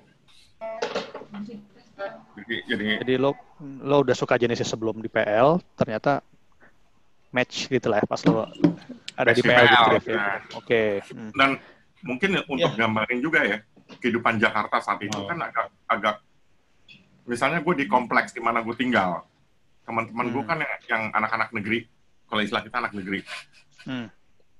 selera musik kan itu sangat ini ya sangat ken- sangat lekat dengan identitas Hmm. jadi gue ingat anak-anak kompleks gue misalnya oke mereka tahu Genesis mereka tahu Queen tapi Hmm. begitu gue pasang Saga ih najis apaan sih gue pasang Hmm. Rush ih najis kok suaranya kayak gitu jadi sebenarnya tahun 80-an bagi gue juga agak selera-selera musik ini sebenarnya di luar PL itu agak dimu, agak dimusuhin gitu loh. Gitu. Hmm. jadi teman-teman kompleks datang ini lagu aneh apa sih? gitu. Denger Yes tuh. Ih, suaranya kok kayak cewek? Ya kayak gitulah gitu. Opini anak Hmm. negeri selera musik anak PL gitu. Tapi kak, waktu itu teman-teman lo yang lo yang kita definisikan sebagai anak negeri itu, waktu itu apa berarti ya? Yang yang mainstream musiknya ya, Queen, Rolling Stones mungkin. Eh, ya, sebenarnya eh, generasi gue tuh udah agak pasca itu gitu jadi Udah udah. ah. gue itu sebenarnya anak-anak yang dengerinnya top 40 gitu ya ya top 40 Oh, terus oke. uh, fusion juga Hmm. Fusion, Eh, angkatan gua tuh SMA 6 ada band namanya Sigma itu lumayan bagus tuh mainnya Hmm, Cassiope segala macem tuh ya Eh, eh, SMA 3 juga waktu itu mainnya mainnya di di, di fusion di jazz fusion Hmm. Iya, karena kayaknya saat itu lagi ngetren ya. Gue masih SMP ya. Saat itu yang yang terkenal kan Karimata, Kar- Krakatau yang udah masuk ke level eh, apa namanya mainstreamnya ya. Nah, Dev, Kadek tadi tuh kan SMA berapa ya? Dev 34 ya Kadek ya? tiga empat Kadek tuh juga. Nah, tiga itu grupnya Kadek tuh juga main fusion juga. Hmm. Dev, Nah. tadi lo bilang yang ya musik lo dibentuk salah satunya oleh bokap ya. Nah, tapi ya, artinya nih ketika lo kecil remaja ya selain bokap siapa lagi yang lo anggap membentuk selera musik lo dan keinginan lo untuk bermusik? Nah sebenarnya gini kayak bokap gua, bokap gua itu wa- bokap gua tuh main piano klasik. Tapi Hmm. bokap gua sebagai remaja tahun 50-an, dia tuh fans abis sama Everly Brothers. Everly. Ah, Hmm. dan dia sendiri main gitar itu bisa main sebenarnya pedal steel Hawaiian. Jadi Hmm. Itulah generasi dia gitu ya. Nah Hmm. nyokap gua itu gener jadi bokap gua tuh remaja 50s tahun 50-an. Nyokap gua tuh remaja 60s. Jadi nyokap gua dengerinnya Astrud Gilbert tuh, dengerinnya eh, Cliff Richard, eh, yang kayak gitu. Andy Williams gitu-gitu. Hmm. Nah tapi gue karena masa kecil gue kan sampai umur 9 gue di Belanda. Hmm. Di Belanda itu sebenarnya ada acara top pop TV musik gitu ya. Hmm. Nah itu sebenarnya yang paling banyak nempel itu dari radio dan dari dari TV. Itu bukan musik Laden. Itu Jerman. Musik London itu Jerman, itu Jerman. Jerman. Hmm. Nah, top popnya. Jadi sebenarnya gini, jadi jadi musik itu udah visual dari gue kecil gitu ya. Jadi Oke. waktu Bo- Bohemian Rhapsody pertama kali keluar video klipnya di TV, itu gue ada nempel tuh imaji itu. Hmm. Eh, termasuk disco gitu ya, termasuk Donna Summer, em, eh, Kalau disco gue inget Blondie. ya bl- bl- termasuk Blondie. Gua Blondie pakai kristal apa tuh lampu di atas deh. gue ingat umur umur tujuh tahun, gue of crush, gue ingat crush gue pertama terhadap cewek tuh lihat Debbie Harry Oh, di, di Oke. video klipnya Heart of Glass gitu ya. Hmm. Tapi kalau lu umur tujuh tahun kan lu agak merasa malu kan, gitu. Hmm. Eh, terus ABBA jangan lupa, ABBA itu sangat gede pak gitu. Em, jadi ada Europop, ada Everly Brothers, ada klasik, ada jadi lumayan.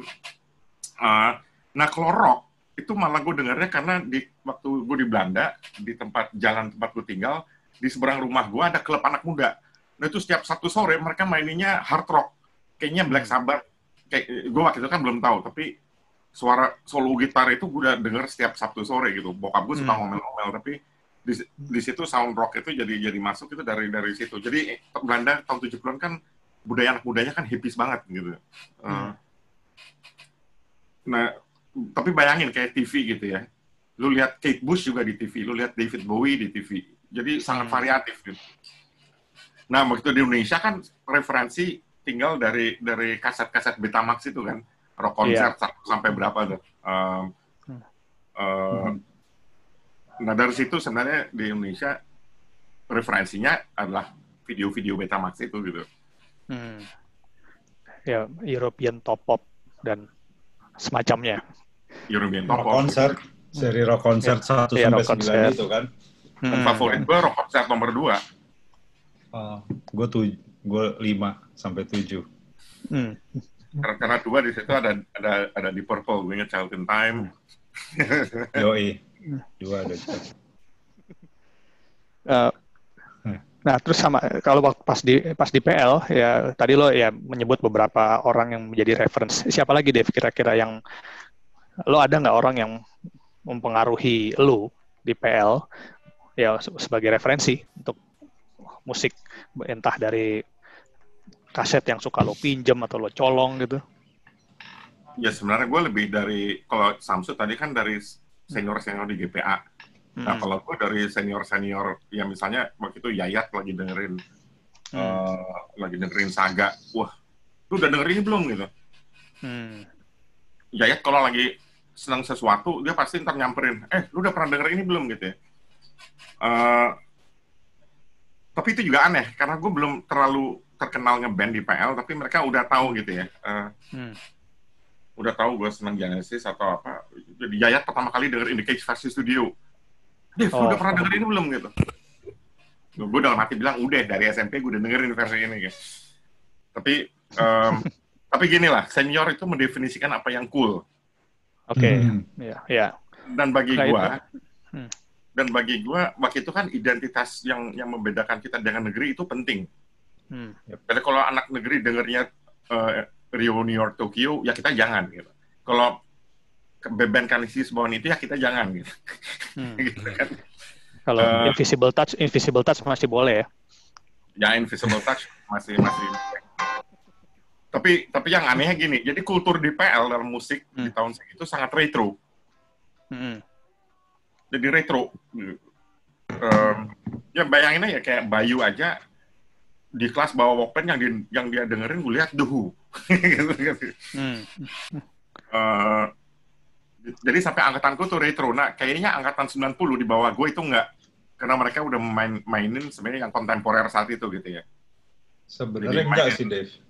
Si Koko, Sampai sampai 93 tuh masih retro kalau menurut gua. Kecuali Ya, angkatan lo agak beda.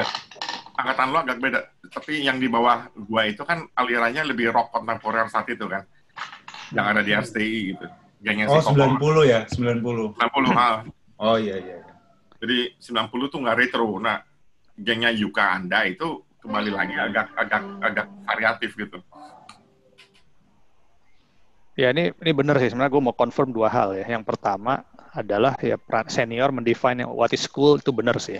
Dan ini pas kita wawancara di anak-anak 94 eh, dan juga yang gue alami yang angkatan 93 selera kita didefine oleh Yuka dan teman-teman ya U2 dan dan semacamnya. Eh, itu satu. Nah, yang kedua adalah sampai 9 di sampai generasi 93 94 eh, variatif tapi juga mungkin ada ada ini ya, ada eh, dualisme juga. Jadi dengerin retro iya. Jadi kita eranya untuk dengerin lagu-lagu lama ya Genesis, Yes dan sebagainya, tapi juga dengan lagu-lagu kontemporer. eh, musik-musik alternatif ya REM dan semacamnya lah saat itu. Nah, yang membuat gue nyambung sama Yuka adalah karena sebenarnya di satu sisi gue juga punya kecintaan terhadap Tears for Fears, Sting, apalagi ya. Hmm. Um, makanya waktu itu tahun 94 atau 95. Yuk di 95 PLV deh. bawain for Fears yuk, shout, bawain uh, Children's Crusade-nya Sting. Jadi itu Sama sebenarnya- Samsu. Iya. Sama-sama juga ya. Iya. Jadi itu sebenarnya lumayan bridging-nya lumayan banyak ya, sebenarnya menarik. Ya. Jadi bukan cuma kita main di PLK tapi main sama main sama angkatannya Yuka gitu. Hmm. Dan sama Faye. Maaf ya. Nah, Oh iya ke mana tuh orang? Backing vokal Faye. Ada, kayaknya masih ada. Ada masih. Suaranya masih eh, bagus loh. Gue remake lagu bagus, tentang aku, V itu cuma dua take loh, yuk. Oh iya. Dua Oke. take itu langsung bungkus. Oh. Masih masih Ya, masih ya. ini masih ada lah itunya ya Timbrenya cengkoknya. bagus emang. Hmm. Nah, eh, Dev, jadi memang jadi anak band atau musisi ketika ini re- retrospektif lo zaman PL, emang emang jadi cita-cita lo nggak saat itu? Ya mengingat lo sekarang banyak aktif di musik yang sifatnya on for profession ya, tapi saat itu lo bayangan bayangin nggak bahwa profesi lo akan menjadi anak band atau menjadi musisi? Di SMA gue nggak punya bayangan tentang cita-cita atau apa gitu ya. Hmm. Lu, lu, lu hidup for the moment gitu ya. Eh, Oke. cuman cuman begini sebelum ngeband sebenarnya gue hobi gue tuh gambar sebenarnya dari SD SMP hobi gue gambar Hmm. Tapi begitu mulai ngeband itu mulai mulai menggambar gue malah malah mulai gue udah mulai mulai mulai males gitu mulai males Sama. puncaknya masuk seni rupa ITB lu Hmm. masuk seni rupa ITB malah membuat gue sama sekali jadi benci gambar menggambar gitu. Sama. karena karena harga diri lu diinjek-injek gila-gilaan sampai lu udah nggak Hmm. merasa pede bahwa lu bisa gambar gitu. Hmm. Nah, tapi yang juga ya makanya itu sama-sama Yuka paralel gue sejarahnya tuh. Hmm. Nah tapi yang yang yang nah ini satu hal yang menarik karena gue tuh nggak pernah dalam hal musik bercita-cita jadi keyboardist sebenarnya. Hmm. Gue gue sebenarnya mulai dari gitar dan sebenarnya gue ingat umur 9 gue tuh selalu pingin sebenarnya main bass, Hmm. pingin main bass. Nah itu sebenarnya gue main keyboard karena sebenarnya terdorong karena masuk PL itu karena angkatan gue nggak ada keyboardist, gue lagi seneng-senengnya Genesis, sama gue terkesima lihat Raki main gitu. Jadi gue pengen bisa main solo keyboardnya in the cage di keyboard. Hmm. Jadi sebenarnya gara-gara gue ngulik-ngulik itu sebenarnya abis itu akhirnya jadi jadi nah tapi karena gini karena yang gue nikmatin dari main keyboard itu adalah sound. Hmm. Jadi kalau soundnya itu sound prog rock, gue semangat. Tapi kalau disuruh main keyboard ngiringin lagu-lagu Whitney Houston, terima kasih deh, gue nggak, gue nggak bisa, gitu. nggak bisa gitu ya.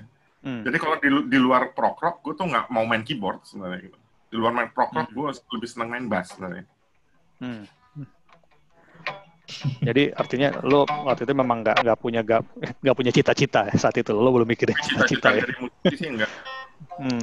Kalau Samsu gimana su? Lo pada saat itu pernah nggak sampai pada level mana? Oh, gue mau pengen jadi musisi gitu. Enggak, enggak, enggak, enggak pernah gue. Eh, yang gue bilang tadi, gue enggak pede sama sekali. Sama Hmm. sekali enggak pede dan juga eh, eh, apa ya? Eh, waktu gue lulus, eh, no, bu- bukan belum belum lulus UI ini mungkin setahun sebelum lulus lah. Itu gue udah mulai udah ngerasa kayaknya ini cuma bagian dari proses ini aja ya. Gue nyari gue tuh mau ke mana segala macam dan musik bukan bukan apa bukan bukan hidup gue waktu itu gue gue Hmm. memutuskan nggak nggak inilah udah itu cuman hobi sekedar buat main-main aja nggak Hmm. nggak lebih dari itu Hmm. Bahkan ya kayak teman-teman kita Iun kan bisa hidup kayak di du- dua dunia kan. Siang bankers, malam Ya, musisi. ada ya, Bahkan- karena Yun Yun punya punya uh, uh, punya background formal uh, serius Oke. ya um, Hmm. lesnya juga uh, sama networknya Indra Lesmana siapa siapa segala Hmm. macam itu dia ada Maksudnya, lo bahkan nggak nggak consider itu gitu ya. nggak nggak nggak ada nggak sama Hmm. sekali nggak ada Hmm. Mungkin mungkin samanya Samsu sama gue, kita sama-sama nggak punya pendidikan formal musik. Hmm. Kita sama sekali nggak punya pendidikan Ya, jadi musik. jadi lo berdua define yourself apa autodidak gitu ya. Otodidak. Hmm. Ah, ya otodidak ya gua ya sembarangan lah kalau boleh dibilang serampangan gitu jadi Serampangan.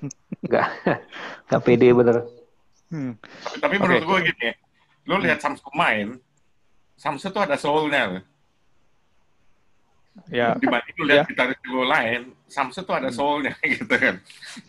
Eh, jadi jadi jadi bukan sekedar menurut gue sih Samsu nggak sekedar cuman cuman cuman main gitar seadanya, tapi karena dia punya soul. iya gue Hmm. kerasa Ah. inilah buat ekspresi itu aja hmm, Eh, dan bener deh jadi bagi gue Nah, Samsu nggak main persis sesuai kaset nggak masalah gitu. Hmm. Nah, tapi so, lo, lo pernah, kalau bisa pernah bilang malah harus harus harus beda. Lo pernah bilang ke gue kan so bahwa ketika lo udah di World Bank Indonesia bahkan lo atau bahkan masih di Amerika ya, lo les lagi gitu. Les Ah, les sempet, gitar. Iya, iya gue sempet. Eh, itu Ya. gue sempet eh, iseng-iseng gue ngontak kadek. Eh, eh, Dek, eh, ternyata dia ngasih les. Eh, dan gue sempet eh, ketemu ada berapa sesi sama dia. Terus gue sadar nggak bisa gue. Nggak bisa, Hmm. eh, this is not for me gitu ya. Formal musical theory segala macam tuh this is too much. Karena mungkin Hmm. gue instingnya udah ud- udah ini gue nggak bisa nih ngikutin birokrasi ini harus ini keberapa segala macam ah udah pusing gue Birokrasi, birokrasi musik lu malas birokrasi musik. Ya, tapi pada saat lo memutuskan les itu, bayangan lo tuh apa? Ya, hanya harapan gue waktu itu Hmm. gue pengen tahu teori kenapa misalkan orang solo misalkan main Hmm. blues gitu De- progresinya dari sini ke sana apa aja sih alternatifnya gitu Terus dari Oh. dari blues tuh apa eh, dia tuh ke jazz apa bedanya dan dari jazz tuh progresinya apa aja nah tapi hmm, eh, ya mungkin karena yang dikasih ke gua adalah dasar banget dan menurut gua malah ini kok lebih ke birokrasi apa segala macam gitu. Mungkin tujuannya bagus sih maksudnya ini loh, lu kalau mau ke sana lu mesti ngeri, ngerti basicnya. Tapi buat Hmm. gue itu basic itu yang menyiksa. Eh, dan gue putuskan udah udah nggak nggak nggak bisa gue. hmm. Itu yang Dev alami kali dengan menggambar apa? Itu nggak Dev? Itu mungkin gua nggak tahu mungkin itu soal metode bagaimana kita diajar aja di seni rupa itu memang Hmm. eh, Itu persoalan pedagogi ya. Oh, oke. Hmm. jadi pendekatannya apa ya kayak sanggar gitu kan ya. jadi jadi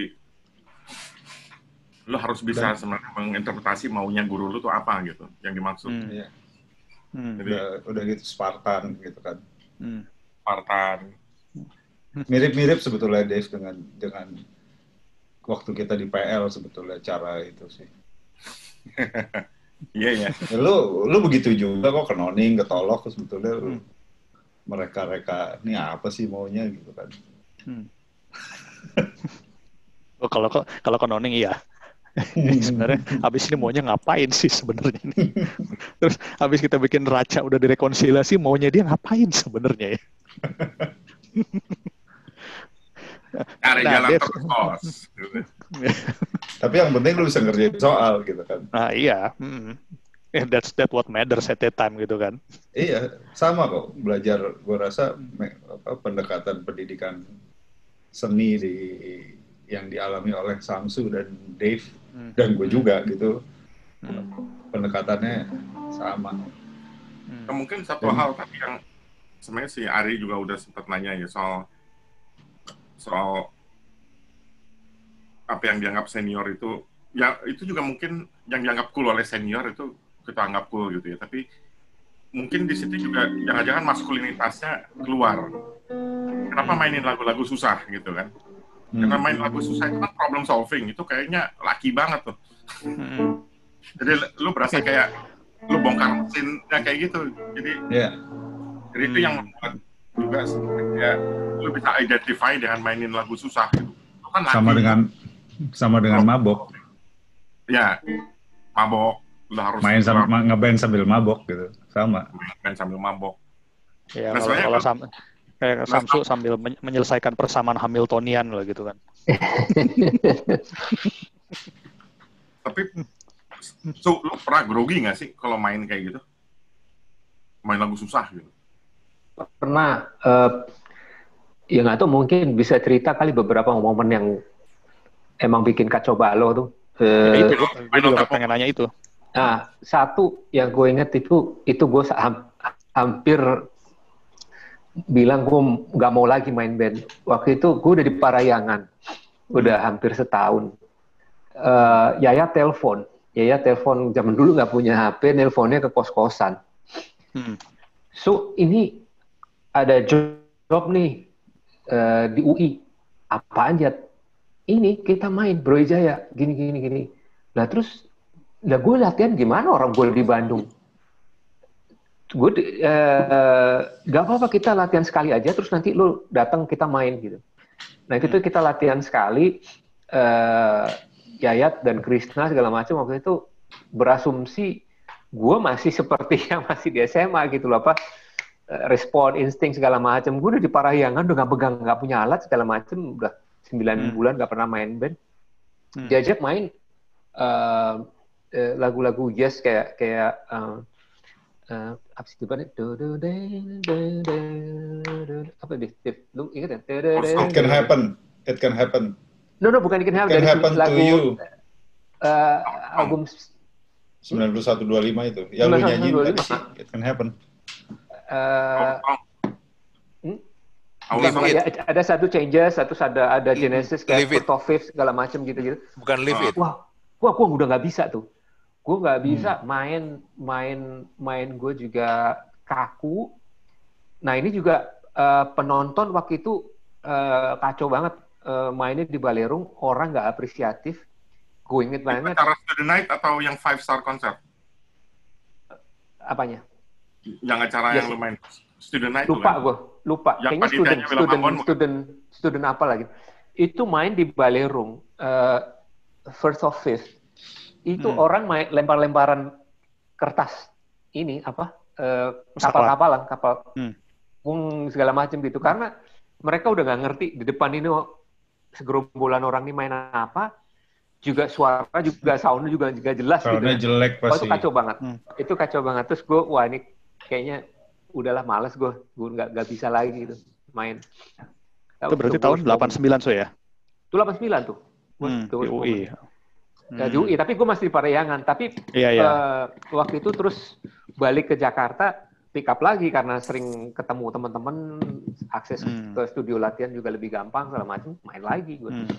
Hmm. Eh, Ingat nggak, kita pernah main, but, ya sebenarnya lebih jam ya, sama Yuka juga waktu waktu anda mainin lagu-lagu Sting dan The Police di Menteng di Menteng Mario's Place Mario Space. Ah, 2008.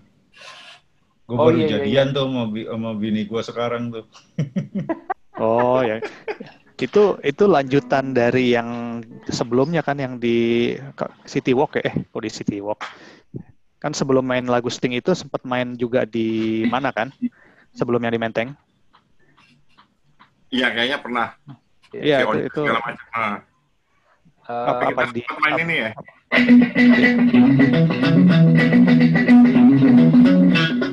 ya. Gue gue nonton bukan yang di Menteng yang di yang di sebelumnya. em, Iya, Kayaknya Pe, lu pernah posting foto yang yang yang yang di Menteng House itu yang di Mario's Place. Oh malah yang Mario yang gue datengin ya. Oh ya mungkin sih. Tapi gue inget gue emang gue dateng di salah satu yang The Police Night itu. Nah, So, lu di Bandung jurusan apa sih, Su? Teknik sipil gue. Oh iya bareng ya berarti kita ya, Su. Iya, Iya iya benar benar benar benar benar. teknik sipil. Bang Insinyur. Nih, eh, 487 lo berarti lo ya. Gue 88 di 488 ya. ya bareng si Irwan segala macam gitu. Iya, benar. Nah, nah kalau, kalau sendiri, Dev, yang momen disastrous spinal tap momen yang pernah lo alami?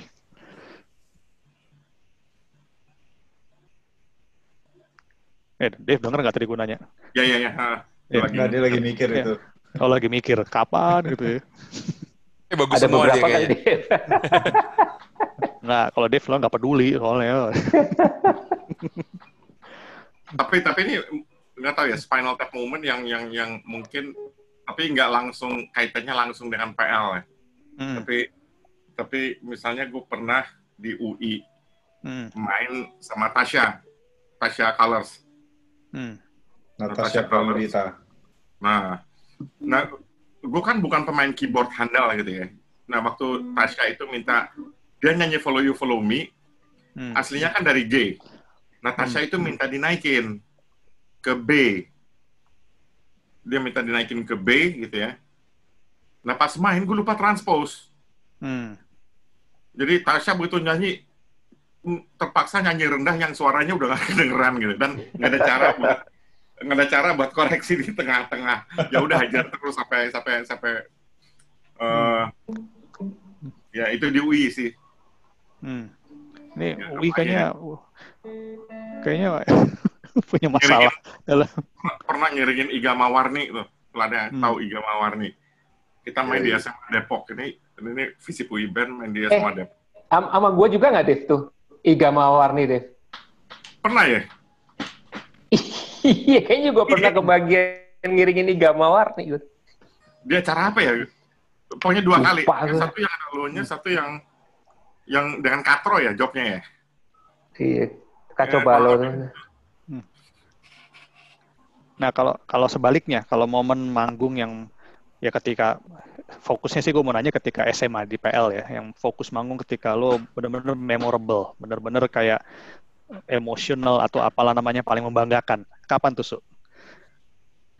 Kalau gue di Balai Sidang, eh, yang jadi band, band pembuka si Chandra Darusman nama Karimata. Oh, oke. itu kapan tuh? Itu 87. Gue Hmm. manggung, gue main pakai sandal jepit. Hmm. Eh, SMA PL gitu. Terus tapi Hmm, pembukanya Karimata, Chandra Darusman. Pembukanya kali. I- Ingat gak waktu itu bawain apa? Eh, apalagi lah Saga, Genesis gitu waktu itu. Oh, oke. Nah, i- itu acara apa sih? Kayaknya waktu itu lo sempat ngomong deh, tapi Ada, ah, lupa acaranya, tapi eh, ada tiga band Karimata, Hmm. SMA PL sama Cockpit waktu itu. Itu Cockpit gongnya yang paling terakhir. Jadi mungkin kalau bisa dilihat konteksnya kita cuma tambelan aja di depan gitu, di tengah gitu Oh. sebelum Cockpit. Hmm. Tapi lo bisa bilang lo apa pembuka lo adalah Karimata kan? Karimata. Iya. Terus yang, yang, salah juga yang sih. kedua wa- Iya. manggung sama Slang, eh, Slang minjem alat dari kita gitu juga. Hmm. Eh, tahun segitu Slang masih pakai apa seragam, pakai kewer-kewer apa tuh kostum nggak jelas gitu gitulah. Eh, Hmm. sebelum jadi cool gitu kan. Nah, dulu Hmm. mah aneh banget tuh. Bang. Eh, tapi tapi kenapa slang bisa sampai minjem alat? Maksudnya memang mereka lagi nggak ada alat atau merasa keren aja alatnya? Ya, mungkin saling saling ini aja lah, saling Hmm. apa eh, eh, saling pakai pedal atau apa gitu. Oh, Gue juga pernah di panggung gitar putus gitu, tiba-tiba harus pakai gitar siapa yang ada band selanjutnya gitu, pinjem ya gitu. hmm.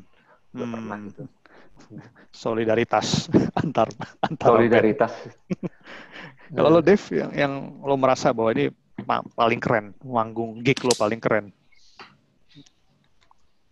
Sama di PL sih ya, karena angkatan gue cuma begitu-gitu aja ya. Gue nggak pernah merasa yang yang Hmm. yang benar keren. Eh, Hmm. meskipun lu merasa puas bisa main YYZ di Trisakti. Hmm. Bagi anak SMA mainin main, mainin YYZ di Trisakti meskipun waktu itu masih siang ya, penonton belum Hmm. banyak tapi eh, tapi gini, lu merasa sebagai anak SMA gue lebih keren dari anak kuliahan gitu. Hmm. Gitu. Hmm. Itu Tapi berarti kalau yang tapi main yang paling comfortable yang yang yang yang itu selalu dengan ya dengan dengan binyok band ini cacuk Hmm. dipecat. Oh, Cocok. tapi itu, Nah, mm, Eh, itu itu yang mau gue tanya sebenarnya tuh. Jadi em, intinya crossroad antara lo berdua itu ya pas di UI itu kan ya, yang di mana lo sering lo Iya. main bareng itu. Hmm. Dan dan Main itu yang, bareng yang dan bandnya ganti-ganti nama. jadi Binyo Band itu sebenarnya band yang nama, nama namanya ganti-ganti itu. Ganti-ganti, iya. Iya. Oke. Nah tadi kayaknya lo sempat udah sempat cerita kan bahwa lagi OPT eh, Samsu Tibum, Samsu malah narik lo buat nyuruh ngeband ya. Terus proses Ya, selanjutnya bisik- gimana? ya, bisik-bisik.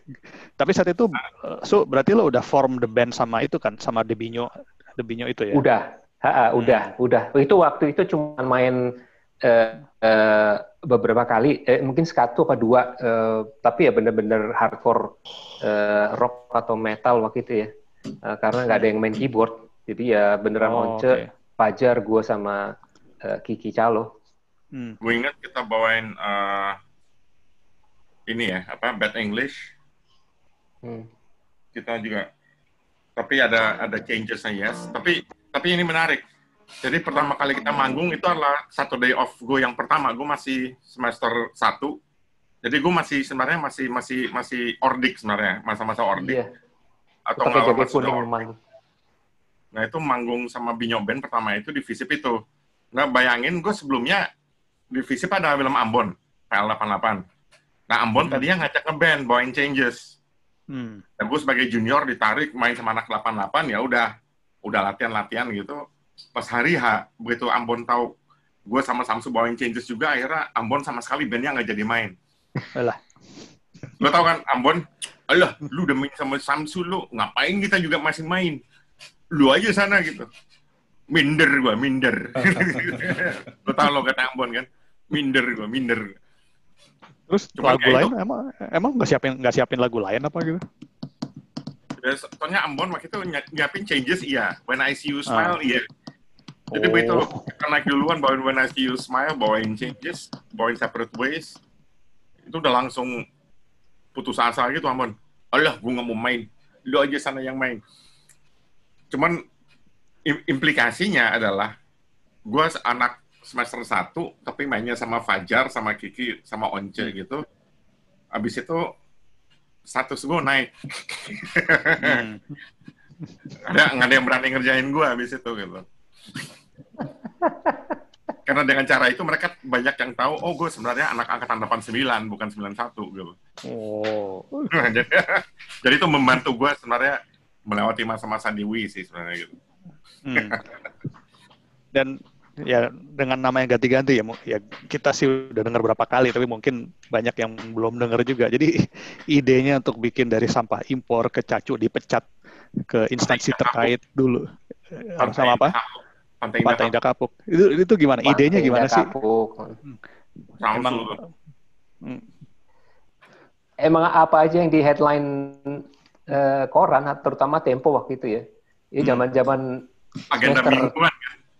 Heeh, zaman semester 3 eh sorry, tahun ketiga tahun kedua kuliah tuh kayaknya eh, mulai banyak eh, apa tuh gerakan-gerakan politik waktu itu tahun-tahun Oh, iya. 92 tahun 93 tuh kayaknya Hmm. mahasiswa juga mulai restless. Nah, tapi apalah yang kita Hai, bisa ini kan jadi buat buat lelucon aja nama band itu kita ganti-ganti. Eh, Cacu dipecat tuh di, di Telkom waktu itu kan Cacu. ya dipecat dari. Telkom. Cacu Karena waktu dipecat, itu sampah ketika lu impor dipe- waktu itu gitu. pejabat dipecat itu something big kan. Iya. Sampai dipecat pu- publik ya dia bilangnya nggak dipecat sih diganti gitu kan. ganti. Karena itu menunjukkan ini ya perpecahan di elit. Iya betul. Heeh. Hmm. Eh, nah bayangin waktu itu kontroversi Pantai Indah Kapuk kan, reklamasi. Iya. sebenarnya. Hmm.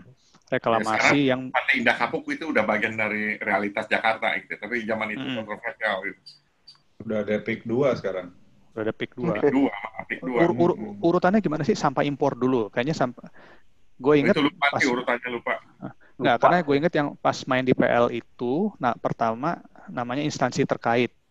Em, itu kayaknya malam nat, malam perpisahan yang gue panitia. Lalu pas PL file berikutnya yang gue juga panitia, ketua panitia udah pakai nama Cacuk dipecat. Cacu pecat ya. Heeh, urutannya kayaknya gitu. nah, habis itu Gila, kayaknya dasar Samsu. kayaknya habis biasanya- itu Tapi biasanya sempet- nama band nama band itu baru keluar di hari H. Iya, ya, ada cerita. Kalau kalau secara informal kita selalu bilang Binyo Band.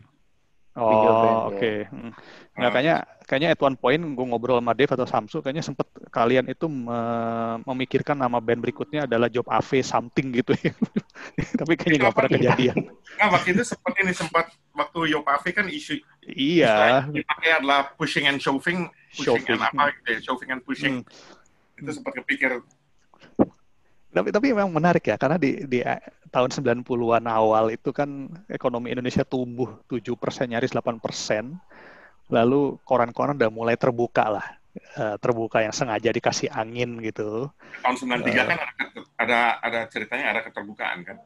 Ada keterbukaan. Muncul tabloid demokratisasi media, Hmm. eh, ada TV swasta. Eh, ya puncaknya kan yang ya walaupun akhirnya Tempo sampai di bredel kan gara-gara yang kapal kasus eh, kap- kapal eh, itu kemudian setbacknya di situ ada detik lah itu yang yang lo coba potret sebenarnya ya. Di dalam nama band itu. Sama band ya buat lelucon akhirnya kan. Kita bisa Iya. announce gitu ke ke ke ke publik gitu ke, penonton. Hmm. ini band namanya sesuai dengan headline. Oh, itu ini. headline. Ini satu spinal tap momentnya Binyo Band, gue ingat satu. Waktu Hmm. kita main di Hukum, Desember tahun Hmm. 91, kita udah latihan in the cage, Hmm. dan Once itu sebenarnya bilang, gue belum hafal, gue belum hafal. Ya ntar lu hafalin, C ya, lu hafalin. Kita style yakin aja bahwa Once bakal bakal hafal di hari H. oh iya Hmm. Nah, begitu kita udah masuk, ding, ding, ding, ding. Once kok nggak masuk-masuk. Dan gue inget banget, Samsu, cek, cek. Terus Once dari samping, belum hafal, Su, belum hafal. Terus gue inget, ah, Samsu bilang, ah ngentot lu, cek. Tapi di depan mic, tapi di depan mic. Ah ngentot lu, cek. Akhirnya Samsu yang nyanyi A sampai Z. Itu spinal tap. Samsu apal ya. Itu sama Dux Travel Hmm. Iya, itu yang divisi. Once juga nggak tiba-tiba nggak nongol Iya. nggak nongol sama sekali dia ngumpet aja di belakang gue nggak ngentot lucu gitu terus akhirnya gue itu kaset rekamannya itu yang Samsul nyanyi Dux Travel waktu itu gue punya loh. Kayaknya sempat dipinjam oleh Chris Najidat. Gue coba Hmm. tanya deh. Tuh apa masih Terus- apa ada apa enggak? Pas tuh suaranya Samsu pas tuh ya. Nggak sama Gak ada jelas satu gue lagi gue nyanyi apa tuh pe Gak jelas sama apa. ada, ada gue inget gue yang waktu itu gue di semester 1 UI jadi ya band lo itu main di Balairung gue lupa acara apa ya seperti biasa keren tapi waktu lo bawain eh, apa tuh yang lagunya Jimi Hendrix well she's walking through Oh. the cloud Iya. dan kayaknya gue merasa bahwa lo lo nggak nggak sepakat kapan mau berhentiin lagu Karena itu lagu tuh susah di, diberhentiin ya. Mm-mm. Nah, gue tuh gak ada habisnya. Iya, iya. Itu, Gua itu lu inget- sampai E minor lo rasanya pengen balik lagi masuk ke G itu kan. Nah makanya gue udah merasa si Once udah mulai kayak mau gini terus lo kok yang lain terus gitu. itu nggak berasa sih penonton kayaknya gak ada. Cuman gue kayaknya kayaknya nggak belum sepakat, belum mencapai kesepakatan kapan endingnya. Kapan ini habisnya bagaimana nih lagu Kalau di rekaman kan lo tinggal di fade out kan, di dikecilin.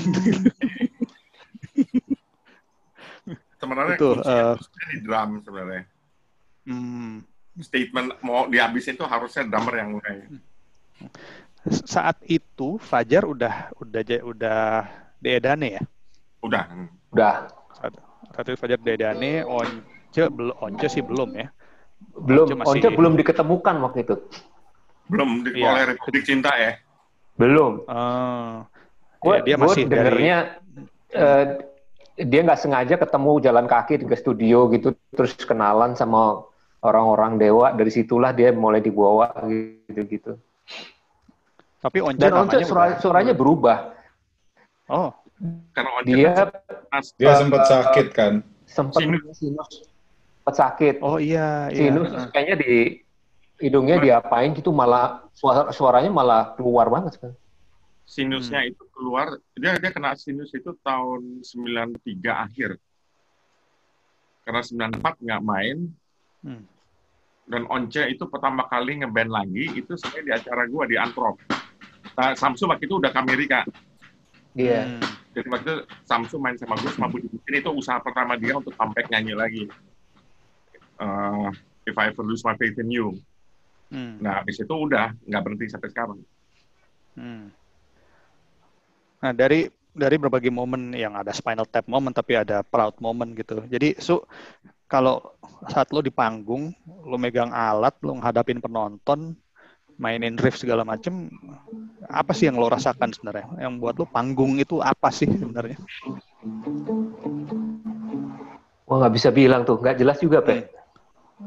Nggak jelas juga. Tapi Eh, dulu sih kalau SMA sih ya it's a, it's a big deal ya maksudnya Hmm. oh, orang udah lebih tua apa segala macam gue gue cenderung lebih suka main alam. Eh, karena gue nggak nggak bisa lihat orang di depan tuh siapa. Jadi gue lebih lebih nggak peduli gitu. Cuman Hmm. kalau beberapa acara siang waktu itu wah itu sangat menyiksa buat gue. Karena eh, ya nervous sih waktu itu. Tapi ya sekarang sih udah suka bodo amat sekarang kayaknya sih. Lebih ke ya namanya juga main-main lah gitu. Gue nggak pernah ambil ini suatu yang serius anyway gitu Hmm. Ya, biasanya kalau lo nervous gitu, ya belakangan sih lo udah dua Carlsberg, biasanya udah nggak nervous lagi gitu ya. Cuman kalau zaman dulu lo tuh, zaman dulu biasanya lo nervous gitu, lo ngapain?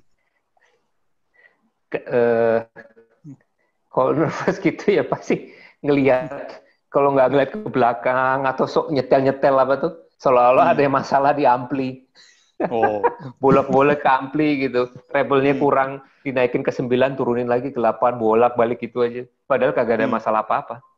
Hmm. Bukannya biar kelihatan sibuk gitu ya. Tapi tapi misalnya menarik sibuk. Misalnya generasi ini itu kan bukan generasi yang yang yang yang yang yang yang yang pendorongnya itu alkohol. Hmm. Kayak Yuka gitu ya. Nah, nah itu beda nggak ya sebenarnya? Eh,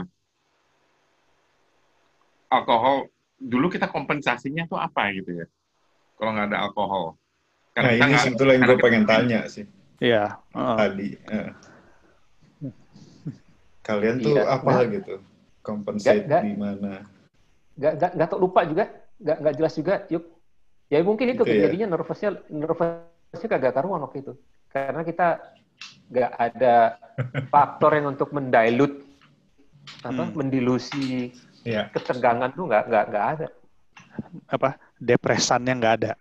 depresannya nggak ada Ada biasanya kan kalau simultan atau depresan gitu kan. Either Iya. way. Nah, gue inget, gue inget waktu Samsu tuh main YYZ di Bulungan tuh. Hmm. Jadi di di situ kan ada ada part yang gitarnya slur apa tap eh, tapping gini kan yang yang Hmm. yang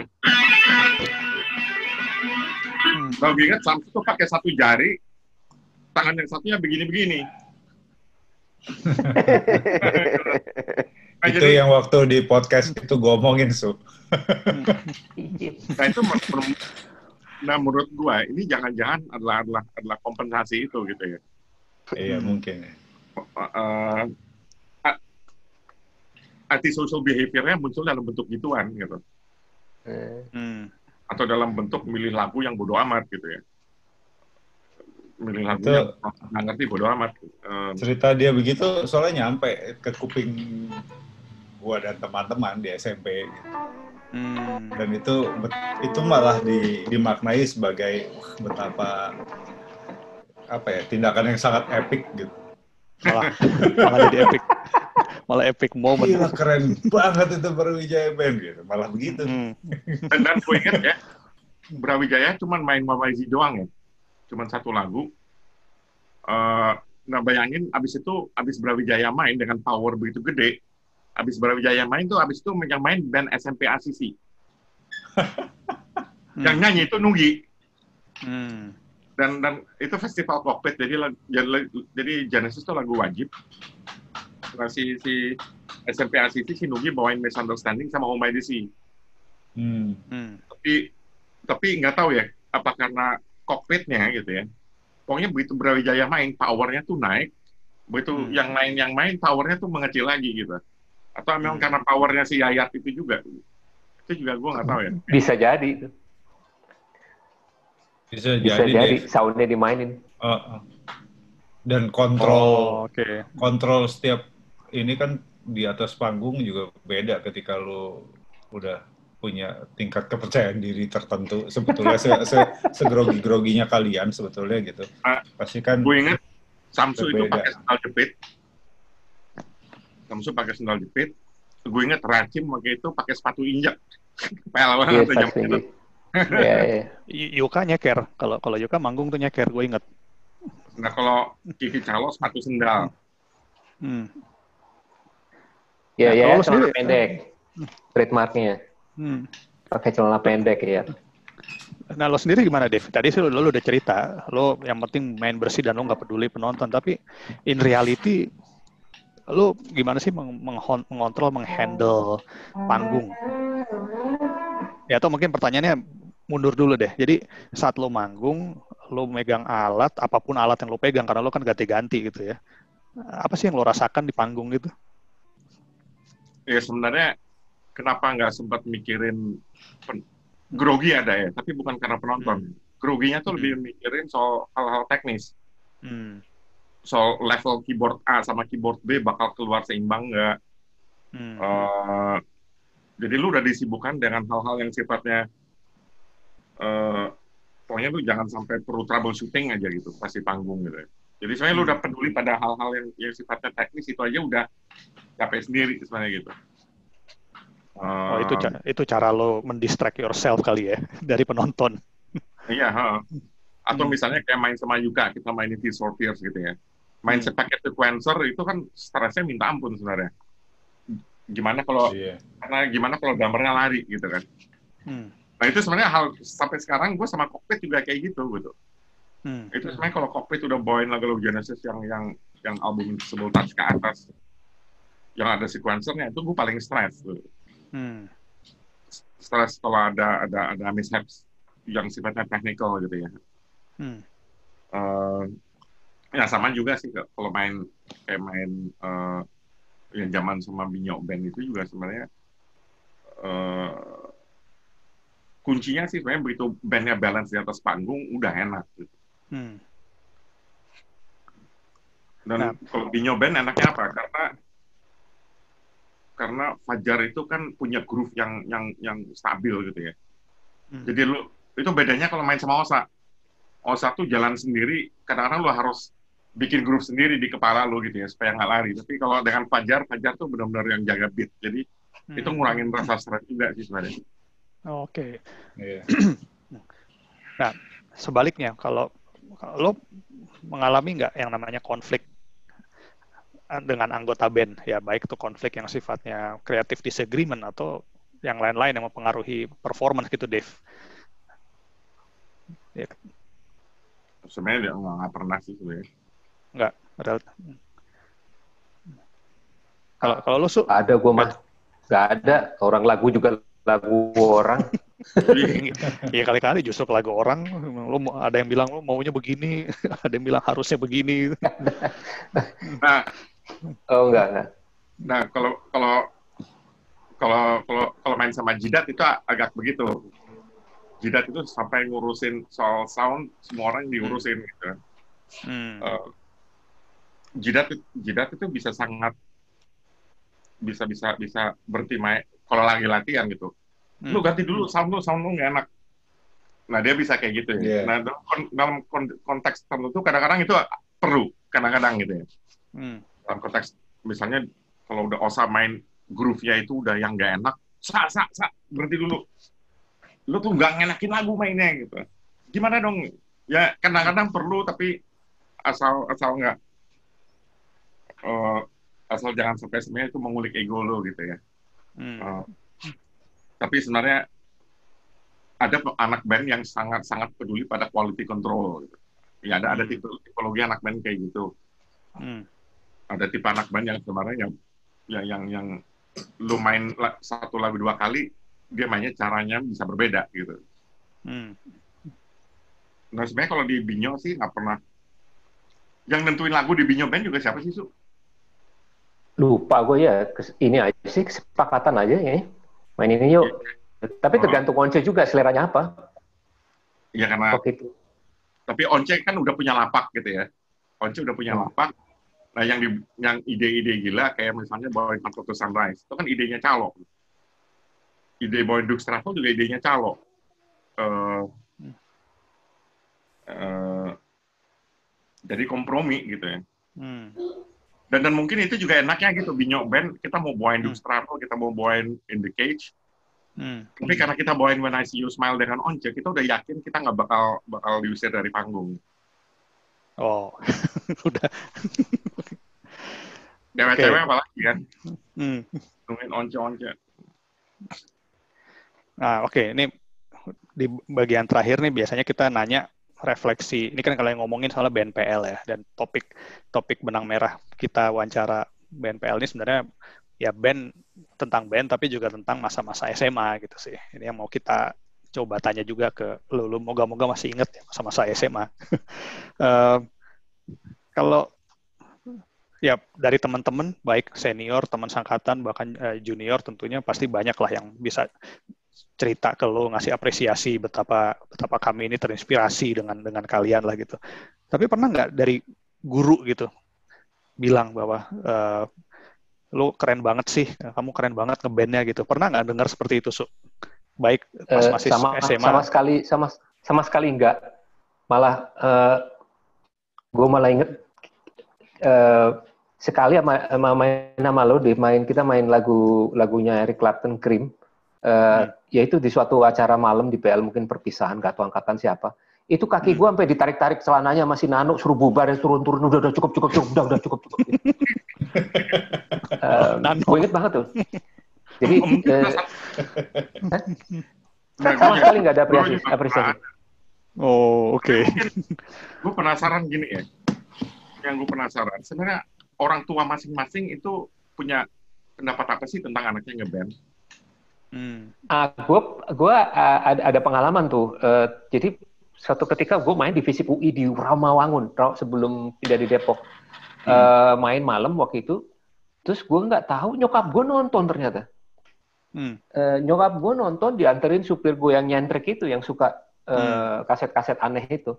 Nyokap gue nonton sama siapa sepupu gue kok nggak salah gitu di bel-belin nonton di- soalnya dia penasaran ini apa sih anak-anak ini main apa sih gitu ternyata ternyata serius ternyata di, di- di lautan masa di visit di Romangun gitu malam-malam Hmm.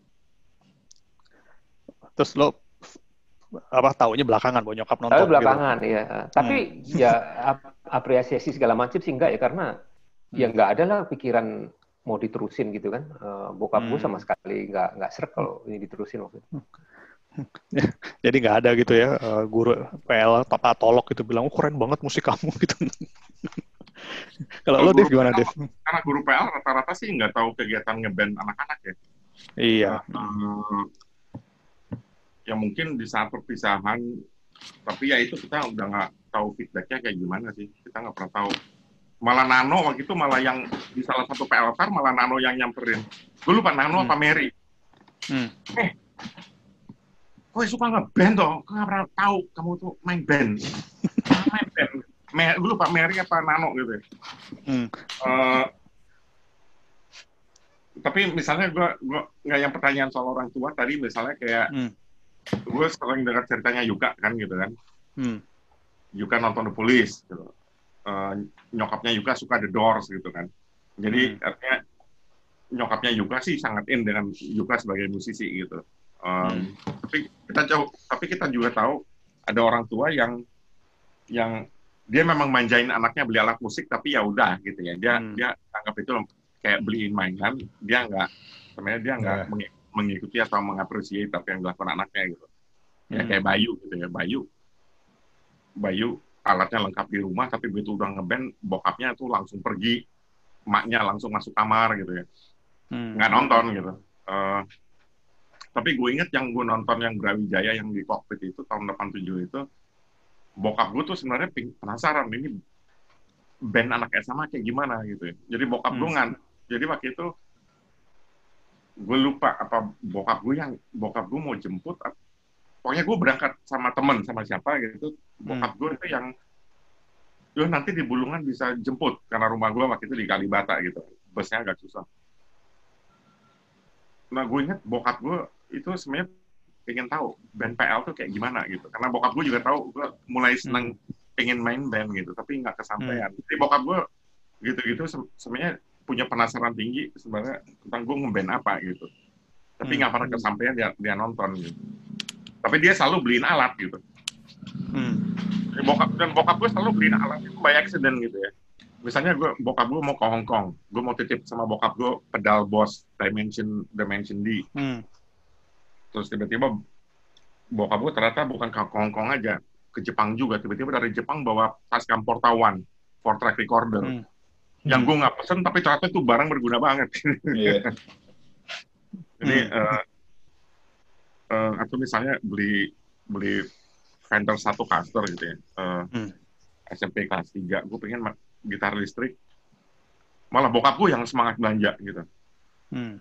Eh, jadi misalnya ada Fender Strat ya, ya yang standar, terus tiba-tiba itu di Swilly gue inget. Terus orang Swilly-nya bilang ini aja ini baruan gitu, ini ini pakai baterai gitu. Itu ternyata yang Hmm. Elite Series tahun 83 gitu. Ini Hmm. lebih eh, lebih mahal. Bokap gue milih yang itu. bokap gue malah lebih semangat. Begitu sampai di rumah, bokap gue malah yang gitarnya dia kesempatan pertama dia pengen pengen meniru Hmm. soundnya Everly Brothers gitu kan. Hmm. Uh, Oh, tapi soundnya Everly Brothers- Americana Brothers. Express. Iya, gitu. Hmm. Kalau bokap gue, nyokap gue malah nggak terlalu peduli soal kegiatan bermusik gue gitu. Uh, Hmm. Bokap gue malah malah. Nah itu juga uh, ada fase-fase dalam hidup. Ada nggak sih namanya support orang tua itu yang sebenarnya kadang Hmm. sebagai bagian dari refleksi gitu ya. Hmm. Um, Kita sih kemarin yang kita tanya sih variasinya lumayan ya Yok ya. Iya. Eh, peran orang tua ya ada yang ya intinya sebagai inspirasi, ada yang memang karena menyediakan alat. Tapi kayak contoh ya Sagita misalnya anak 94 ya cerita bahwa dia pengen jadi musisi ketika dia SMP SMA memang punya cita-cita jadi musisi cuman orang tuanya bilang nggak lu sekolah itu ada Hmm. klasik kayak gitu ada Eh, Atau ya kayak apalagi Indo. ceritanya Kayak Dan kayak bayangin- Ido dan bayangin misalnya di tahun 80-an gitu ya. Kayak Samsu gue, kita kan orang tuanya tuh adalah birokrat negara gitu kan. Hmm, Birokrat yang nggak kebayang musisi itu sebagai profesi gitu. Hmm, Orang tuanya tuh pegawai negeri, hmm, birokrasi negara gitu ya. Yang pengen anaknya kalau bisa jadi PNS juga atau Hmm. yang yang jadi sebenarnya musik tuh nggak pernah dianggap sebagai profesi sih di tahun 80-an, 70-an, 80-an. Mungkin Ya, sebagai, ya, sebagai ya, hobi ya. ya, tapi bukan sebagai profesi. ya si atau main I- Ido Ido ya menginternalisasi bahwa memang musik musik itu bukan profesi saat itu ya itu seorang Ido sih Yuk ya yang orang tuanya hidup dari eh, orang tuanya adalah punggawa Bapak, bapaknya masih ngeband malah. Mm-mm. ah lu mah musik buat hobi doang nggak pernah main kata. Gue pas latihan buat reuni digituin hmm. Ya sementara Randy cerita dia malah karena orang bokapnya orang musik dia malah jadi males sebenarnya bermusik sebenarnya pengakuannya Itu sebenarnya itu bass yang paling pernah gue, yang paling enak pernah gue mainin bassnya punya bokapnya Randy itu. Hmm. Kita pernah main, gue nggak punya bass. Tapi waktu itu gue disuruh main bass. Itu main Closer to the Heart, gue inget. Hmm. Gue harus main bass, tapi gue nggak punya bass. Hmm. Eh, dan waktu itu mainnya lagi nggak sama Bayu. Bayu lagi nggak bisa, jadi gue disuruh main bass. Terus gambarnya Eca, gue bilang, tapi gue gue punya bass. Gue gue tadi mau punya punya Bayu. Hmm. Cuman si Eca bilang, udah pakai bassnya bokap gue aja gitu. Terus tiba-tiba dia nongol bawa bass anjing enak banget. Fender Hmm. Precision, tapi tapi eh, hardware-nya gold semua. Hmm. Gold, gila enak banget gitu ya. Eh, jadi gila ini bahasa Dimas banget nih gue pakai. Hmm. asiri, loh, asiri. Itu main di mana ya? Main di Museum Keprajuritan Taman Mini oh gitu. Main Jerry Oh. Moore, Out in the Fields, Closer to the Heart, satu lagi gue lupa. Nah, ini pertanyaan eh, favorit dari gue dan Yuka. ya. Kalau kalau ada yang bisa lo ubah atau lo benerin atau lo diberi kesempatan balik ke masa-masa SMA PL, Eh, dan lo punya kesempatan untuk apa gimana yuk wordingnya lo bisa ngebenerin apa Kalau dapat kesempatan balik Hmm. ngulang hidup, tapi langsung balik ke jama, ke fase di SMA, ada yang mau lu koreksi nggak? Atau lu revisi? Atau lu enhance, lu amplify gitu? Siapa dulu? Ya. Nggak ada, gue. Nggak ada, gue. nggak ada su Nggak ada. Hmm. Itu udah kayaknya gue apa eh, udah optimal di di SMA. Hmm. Em, gua apa ya? Kayaknya apa aja gue kerjain, gue jalanin. Hmm. Eh, it was full of fun. Eh, apa ya? Life at the fullest waktu itu lah. Dan gue Hmm. nggak yakin kalau gue balik, disuruh balik, kalaupun ada yang dikoreksi, kayaknya udah tuh udah udah maksimal yang gue gua lewatin tuh di SMA. Hmm. Dan dan dan lo su, lo merasa bahwa kegiatan lo yang ngeband, eh, naik gunung eh, dan lain-lain di SMA itu yang membentuk lo sekarang gitu. Iya, iya, itu itu bagian dari ya inilah membentuk kepribadian segala macam terus ke depan ngelihat hidup gimana ya udah itu itu Hmm. menurutku sih ke Hmm. tapi mungkin kalau kalau yang agak disesalin ya itu gue gak, gak, gak nemuin Dev waktu itu waktu gue Oh, kelas 3 oh, pada oke. dia kelas 2 kan kalau itu itu connect mungkin mungkin agak lain jadi urusan ya Nah, Hmm. ya itu berarti ada yang ingin dikoreksi. anak dikoreksi itu, itu. paling kalau dikoreksi itu paling Bagian itu, itunya iya, ya. bagian itu Andai, ka- andai kata Dev lebih bisa berkomunikasi dengan manusia. Satu. Kalau kalau lo Dev gimana Dev? Ya sebenarnya juga kayak gitu ya. M- Mungkin bagi gue live at the itu waktu zaman kampus sih sebenarnya. Eh, Hmm. Tapi sebenarnya di SMA gue nggak nyesel juga karena karena sebenarnya gue tuh nggak banyak ngeband mungkin angkatan gue juga memang nggak banyak ngeband tapi gue banyak ngulik di rumah. Jadi sebenarnya Hmm. di mana gue ngulik ya skill seperlunya lah untuk bisa main Genesis segala macam itu memang gue jalanin pas SMA ya. Tapi meskipun di rumah. Hmm. Eh, tapi kalau ada yang bisa gue rectify, misalnya kalau ada kesempatan, sebenarnya harusnya kekuatan angkatan gue harusnya bikin lagu sendiri. Hmm. Karena sayangnya angkatan gue tuh vokalis gue, Ari Montok tuh sebenarnya vokalnya bagus. Iya. Hmm. Vokalnya bagus. Dan dan harusnya untuk keluar dari bayang-bayang kebesaran kakak-kakak Brawijaya, harusnya kita main Hmm. lagu lagu sendiri. Nah itu nyeselnya kenapa? Karena itu berhasil dilakukan dengan keren oleh oleh generasinya Yuka. Jadi sebenarnya kita ini masih patologi anak 80-an lah gitu, belum pede dengan lagu sendiri. Jadi sebenarnya kalau kamu bisa balik ke zaman itu sih, gua, gua, gua akan gua akan bilang Bayu sama Montok, udah lah lu fokus ke bikin lagu sendiri, tiga empat lagu cukup. Karena lu lu nggak bisa di dikritik mirip siapa atau nggak mirip gitu. Kalau lu bawain lagu sendiri itu sebenarnya eh, Hmm. keren sih. Punya paling itu, itu doang sih sebenarnya gitu ya. Kalau kalau ada Hmm. kesempatan balik. Hmm. Andai kata teknologi di zaman itu udah seperti sekarang gitu ya. Oh apalagi gitu. Wih, Hmm. Tapi yang gue nyesel sebenarnya satu hal, gue banyak kehilangan alat. Hmm. Karena waktu lu muda, temen lu mau minjem, lu kan sangat, lu nggak mikir barang kan. iya. Oh ya udah lu pinjemin. Hmm. Terus habis itu eh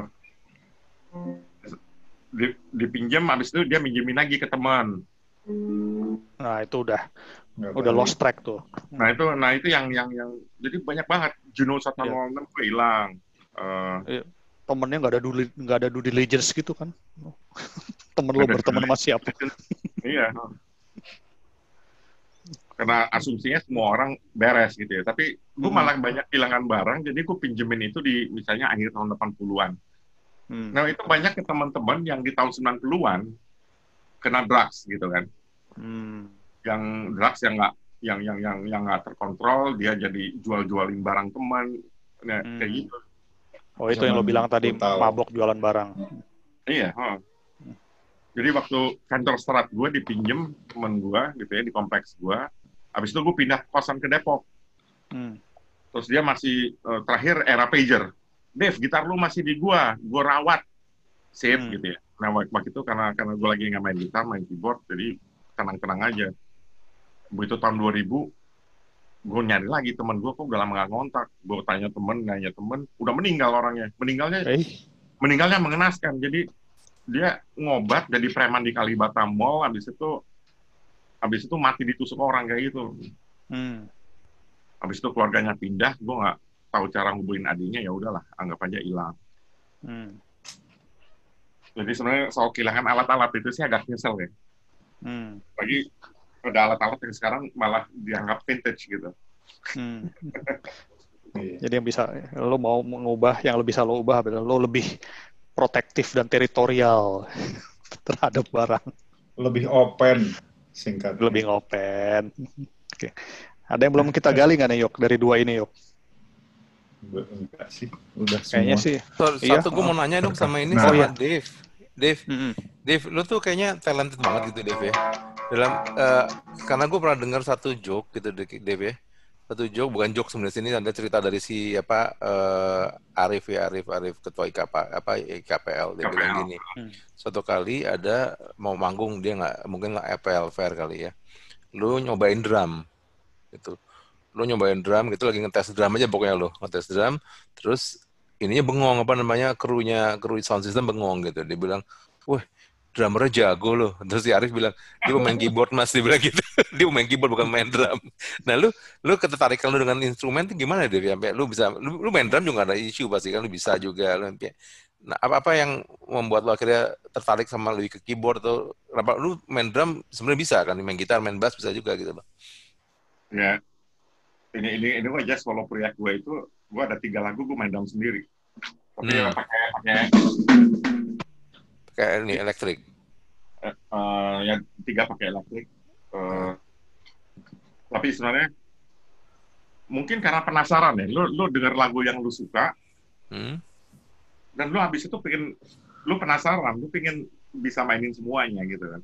Hmm. Misalnya kayak YYZ awalnya gue cuman main keyboardnya doang kan gampang. Tapi Hmm. gue penasaran gitarnya kok seru kayaknya gitu. Karena gue harus bisa gitu kok kayaknya bassnya seru kayaknya gue harus ngulik juga gitu Hmm. Eh, tapi sebenarnya gini bukan tapi sebenarnya bukan jago ya gue gue cuman bisa mainin lagu yang yang memang gue ngulik gitu Hmm. tapi kalau disuruh main lagu dengan tingkat skill yang sama itu juga harus belajar dari nol gitu nah misalnya kayak sekarang bagaimana itu kepake gue akhirnya bisa mainin alat sesuai dengan musik yang mau gue mainin gitu kan Hmm. Jadi paling nggak gue bisa menerjemahkan misalnya kalau gue bikin komposisi sendiri gue paling nggak gue akan bikin sesuatu yang bisa gue juga gue mainin sendiri gitu Hmm. tapi ada juga Tapi lu- mungkin yang Lu kompos juga jadi kan berarti kan Dev? Lu kompos dengan keyboard apa dengan gitar? nah, Karena setahu gue kadang lagu kalau pakai eh, piano sama gitar jadi beda soalnya. nah ini sebenarnya misalnya sekarang gue akhirnya mau bikin solo proyek ancer-ancernya sih November ya keluar gitu ya. Em, tapi udah mangkrak tanyanya Yuka deh gitu ya. Hmm. Em, mangkrak 12 tahun. Tapi akhirnya juga sebenarnya udah banyak berubah sih ini ya. Em, ada lagu yang dimulai dari keyboard tapi tahun 2015an kebanyakan dimulai dari dari gitar gitu ya. Hmm. Eh, jadi sebenarnya agak campur misalnya kayak yang lagu New Garden Hall itu kan sangat Nggak, mulai dari ah, keyboard Keyboard banget Nah, itu. keyboard Ah. gitu ya. Eh, tapi ntar ada juga lagu-lagu yang gue mulainya malah pertama dari dari posisinya dari gitar gitu. Jadi sebenarnya agak campur ya gitu. Sebenarnya ada ada ada sen Kan feel-nya beda soalnya kan? Hah? Feel-nya beda kan, feel pendekatan. Feel-nya beda. Iya, komposisinya juga beda kan. chordnya juga jadi beda gitu kan. Hmm. Hmm. Eh, misalnya vocabulary gue ternyata sadar vocabulary gue di keyboard sama di gitar jadi sangat berbeda gitu. Hmm, hmm, hmm. Kalau di keyboard gue ya jazz voicing sudah dapet di keyboard tapi di gitar gue malah malah malah enggak gitu. Hmm. itu kadang-kadang kebalikannya gitu. Jadi eh, nah kebetulan gue juga yang ini gue banyak sebenarnya kerjasama. Jadi Leo gue minta nyanyi dua lagu Hmm. Leo. Nah sebenarnya kalau juga backing vokal seru tuh kali ini. Tapi Hmm. Ya kemudian bisa. ada Fajar, ada Fajar gue minta main di satu drum gitu. Terus anak-anak muda sekarang ada Indra Perkasa, Bass. ah. udah dia udah Hmm. ngisi fight bass, kontrabas di dua lagu. Jadi main sama yang muda-muda itu juga feeding gitu, kan? Hmm. Eh, Nah, tapi lu berarti gini juga. Yang menarik buat gue berarti lu sebenarnya rentang pergaulan lu di musik tuh cukup cukup eh, masa ke masa juga di sebenarnya Dev. Dari anak-anak kokpit yang zaman dulu masuk ke lu menggantikan Roni Harahap gitu kan. Tapi lu Nah. sampai ke ke apa ke yang lainnya eh, jazz Indonesia katakanlah ya Indra Indra Perkasa gitu kan ya. hmm. Itu lu ketemu juga, lu ketemu juga sama Leo. Nah, eh, Terus Nikita Dompat juga ng- ngisi. Nikita juga Hmm. ada juga. Dan gue yakin juga lu ntar di tahun 2000 2010-an juga kali lu bisa juga main sama siapa aja gitu loh, Dev. Maksud gue, gue juga tau lu bikin eh, sama Zik and the Popo. Zik and the Popo tuh angkatan berapa ya? Misalnya gue juga nggak tahu. Zik tuh 95-an. 95-an ya? Mereka Angkatan- lahir tahun 77. Wah. Angkatan itu kan Aksara Records. Gelombang Nah. yang itu sama The Adams Hmm. segala macam. Ah, dia dia main juga soalnya yuk kemarin kan waktu apa waktu Hmm, lagi Zik and the hmm. Popo yang live apa eh, online itu. Terus eh lu kalau boleh tahu lu, lu inget nggak berapa kali lu main PL Fair? Dev aja. Dev itu at least Ada tujuh, eh Fair- tujuh dari empat. per- empat ada, Hmm. at least tiga ada, tiga pasti, empat Hmm. mungkin. Nggak, gue gue sempat ikut main terakhir PLK itu tahun 99 apa 2000. Tapi waktu itu sama anak musik, Hmm. sama si Hmm. Yoga segala macam. Oh yoga, Hmm, Jadi lu ada kali lima kali enam kali ada kali ya, Dev ya. ada. hmm. Jadi lu juga bisa menceritakan perbedaan PL Fair yang pertama-tama dulu sama yang terakhir-terakhir nggak? Menurut atau lu menurut lu sama aja? Nggak, menurut Buat Dev. yang yang berubah di PLK kan pertama adalah profesionalisasinya gitu kan. Ya. eh. PLK pertama itu masih berasa kayak kerjaan kayak lu bikin pesta perpisahan sekolah biasa gitu. Hmm. Hmm. Itu Hmm. PLK tahun 89. Eh, jadi lu lihat PLK membesar Hmm. sehingga pengorganisasiannya menjadi lebih serius. Dan tapi yang paling menarik dari PLK adalah betapa angkatan itu sebenarnya ilmunya kebagi. Jadi ilmu dari angkatan yang pertama bikin, bagaimana itu turun ke angkatan berikutnya. Hmm. Mereka mengakumulasi knowledge yang lebih kompleks Ya. dari pengalaman itu kemudian diwariskan ke bawah. Jadi eh jadi itu sih yang, yang menarik adalah sebenarnya akumulasi pengetahuan bagaimana bagaimana mengorganisir sebuah event. Em, Hmm. Tapi kemudian jadi besar gitu ya. Stakes-nya jadi besar kan. Begitu lu udah, Hmm. lu pernah dapat sponsor yang lebih gede, lu langsung punya target dapat sponsor yang lebih hebat lagi di tahun depannya gitu ya.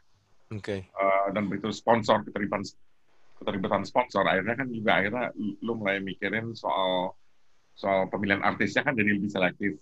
Hmm. Jadi memang PL Fair tuh, gue nggak ikut pernah nggak pernah ikutan PL Fair ya. Tapi maksud gue PL Fair tuh panggungnya satu atau multiple ya? Kalau nggak salah yang terakhir itu multiple deh kayaknya, enggak ya? Sebenarnya tahun panggungnya 2000-an. panggungnya Satu ya? sih satu. Oke. Satu.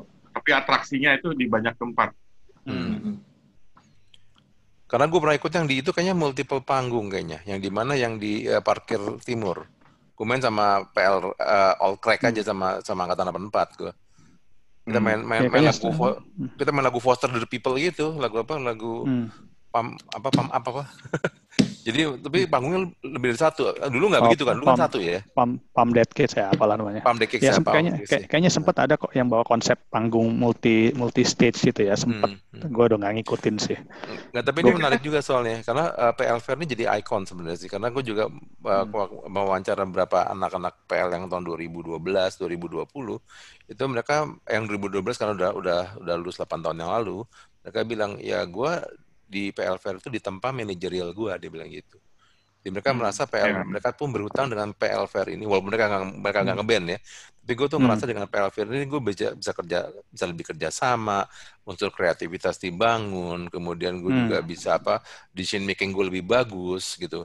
Nah PL Fair itu membuat mereka juga satu ajang yang yang ini berhubungan sama musik gitu ya, tapi mungkin juga akan cocok akan seru juga kalau kita kita ini kita apa kita eksplor dari zaman ke zaman gitu pasti Hmm. karena ada ada rasa berhutang budi juga dari siapa dari si eh, mereka panitia itu atas eh, menjadi manusia sekarang lah gitu. Jadi dia ada Hmm. apa ada sesuatu yang gue belajar juga dari PL Fair yang gue bawa sampai mati nanti gitu.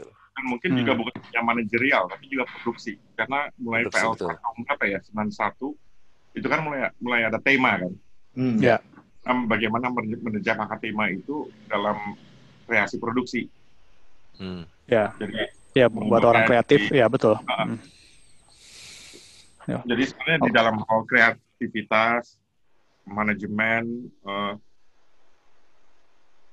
itu malah malah, malah kadang-kadang ada yang bilang lah, apa namanya skill-skill manajerial di PL Fair kadang-kadang malah lebih bagus dari IO IO profesional gitu. Ya. Hmm. Karena volunteering soalnya. Bukan Hmm, apa, iya. bukan for bukan for profit Iya. soalnya. Agak beda jadi pendekatannya. Meskipun Oke. PL, PL Fair juga diuntungkan karena bisa memakai slave labor ya kelas 1. Iya betul. Ya, itu sih bener. itu itu masalah pembagian kerja tuh ya, Pak. Apa division of labor. Division division of of labor. Nah, itu itu hierarki. Iya. Oke, kalau begitu ini bincang-bincangnya kita tutup. Terima kasih sekali lagi eh, Dave di Jakarta, Samsu di Nur Sultan. Eh, kita akan melanjutkan bincang-bincang dengan band PL dari masa masa yang lain setelah kita mereview lima episode ini ya.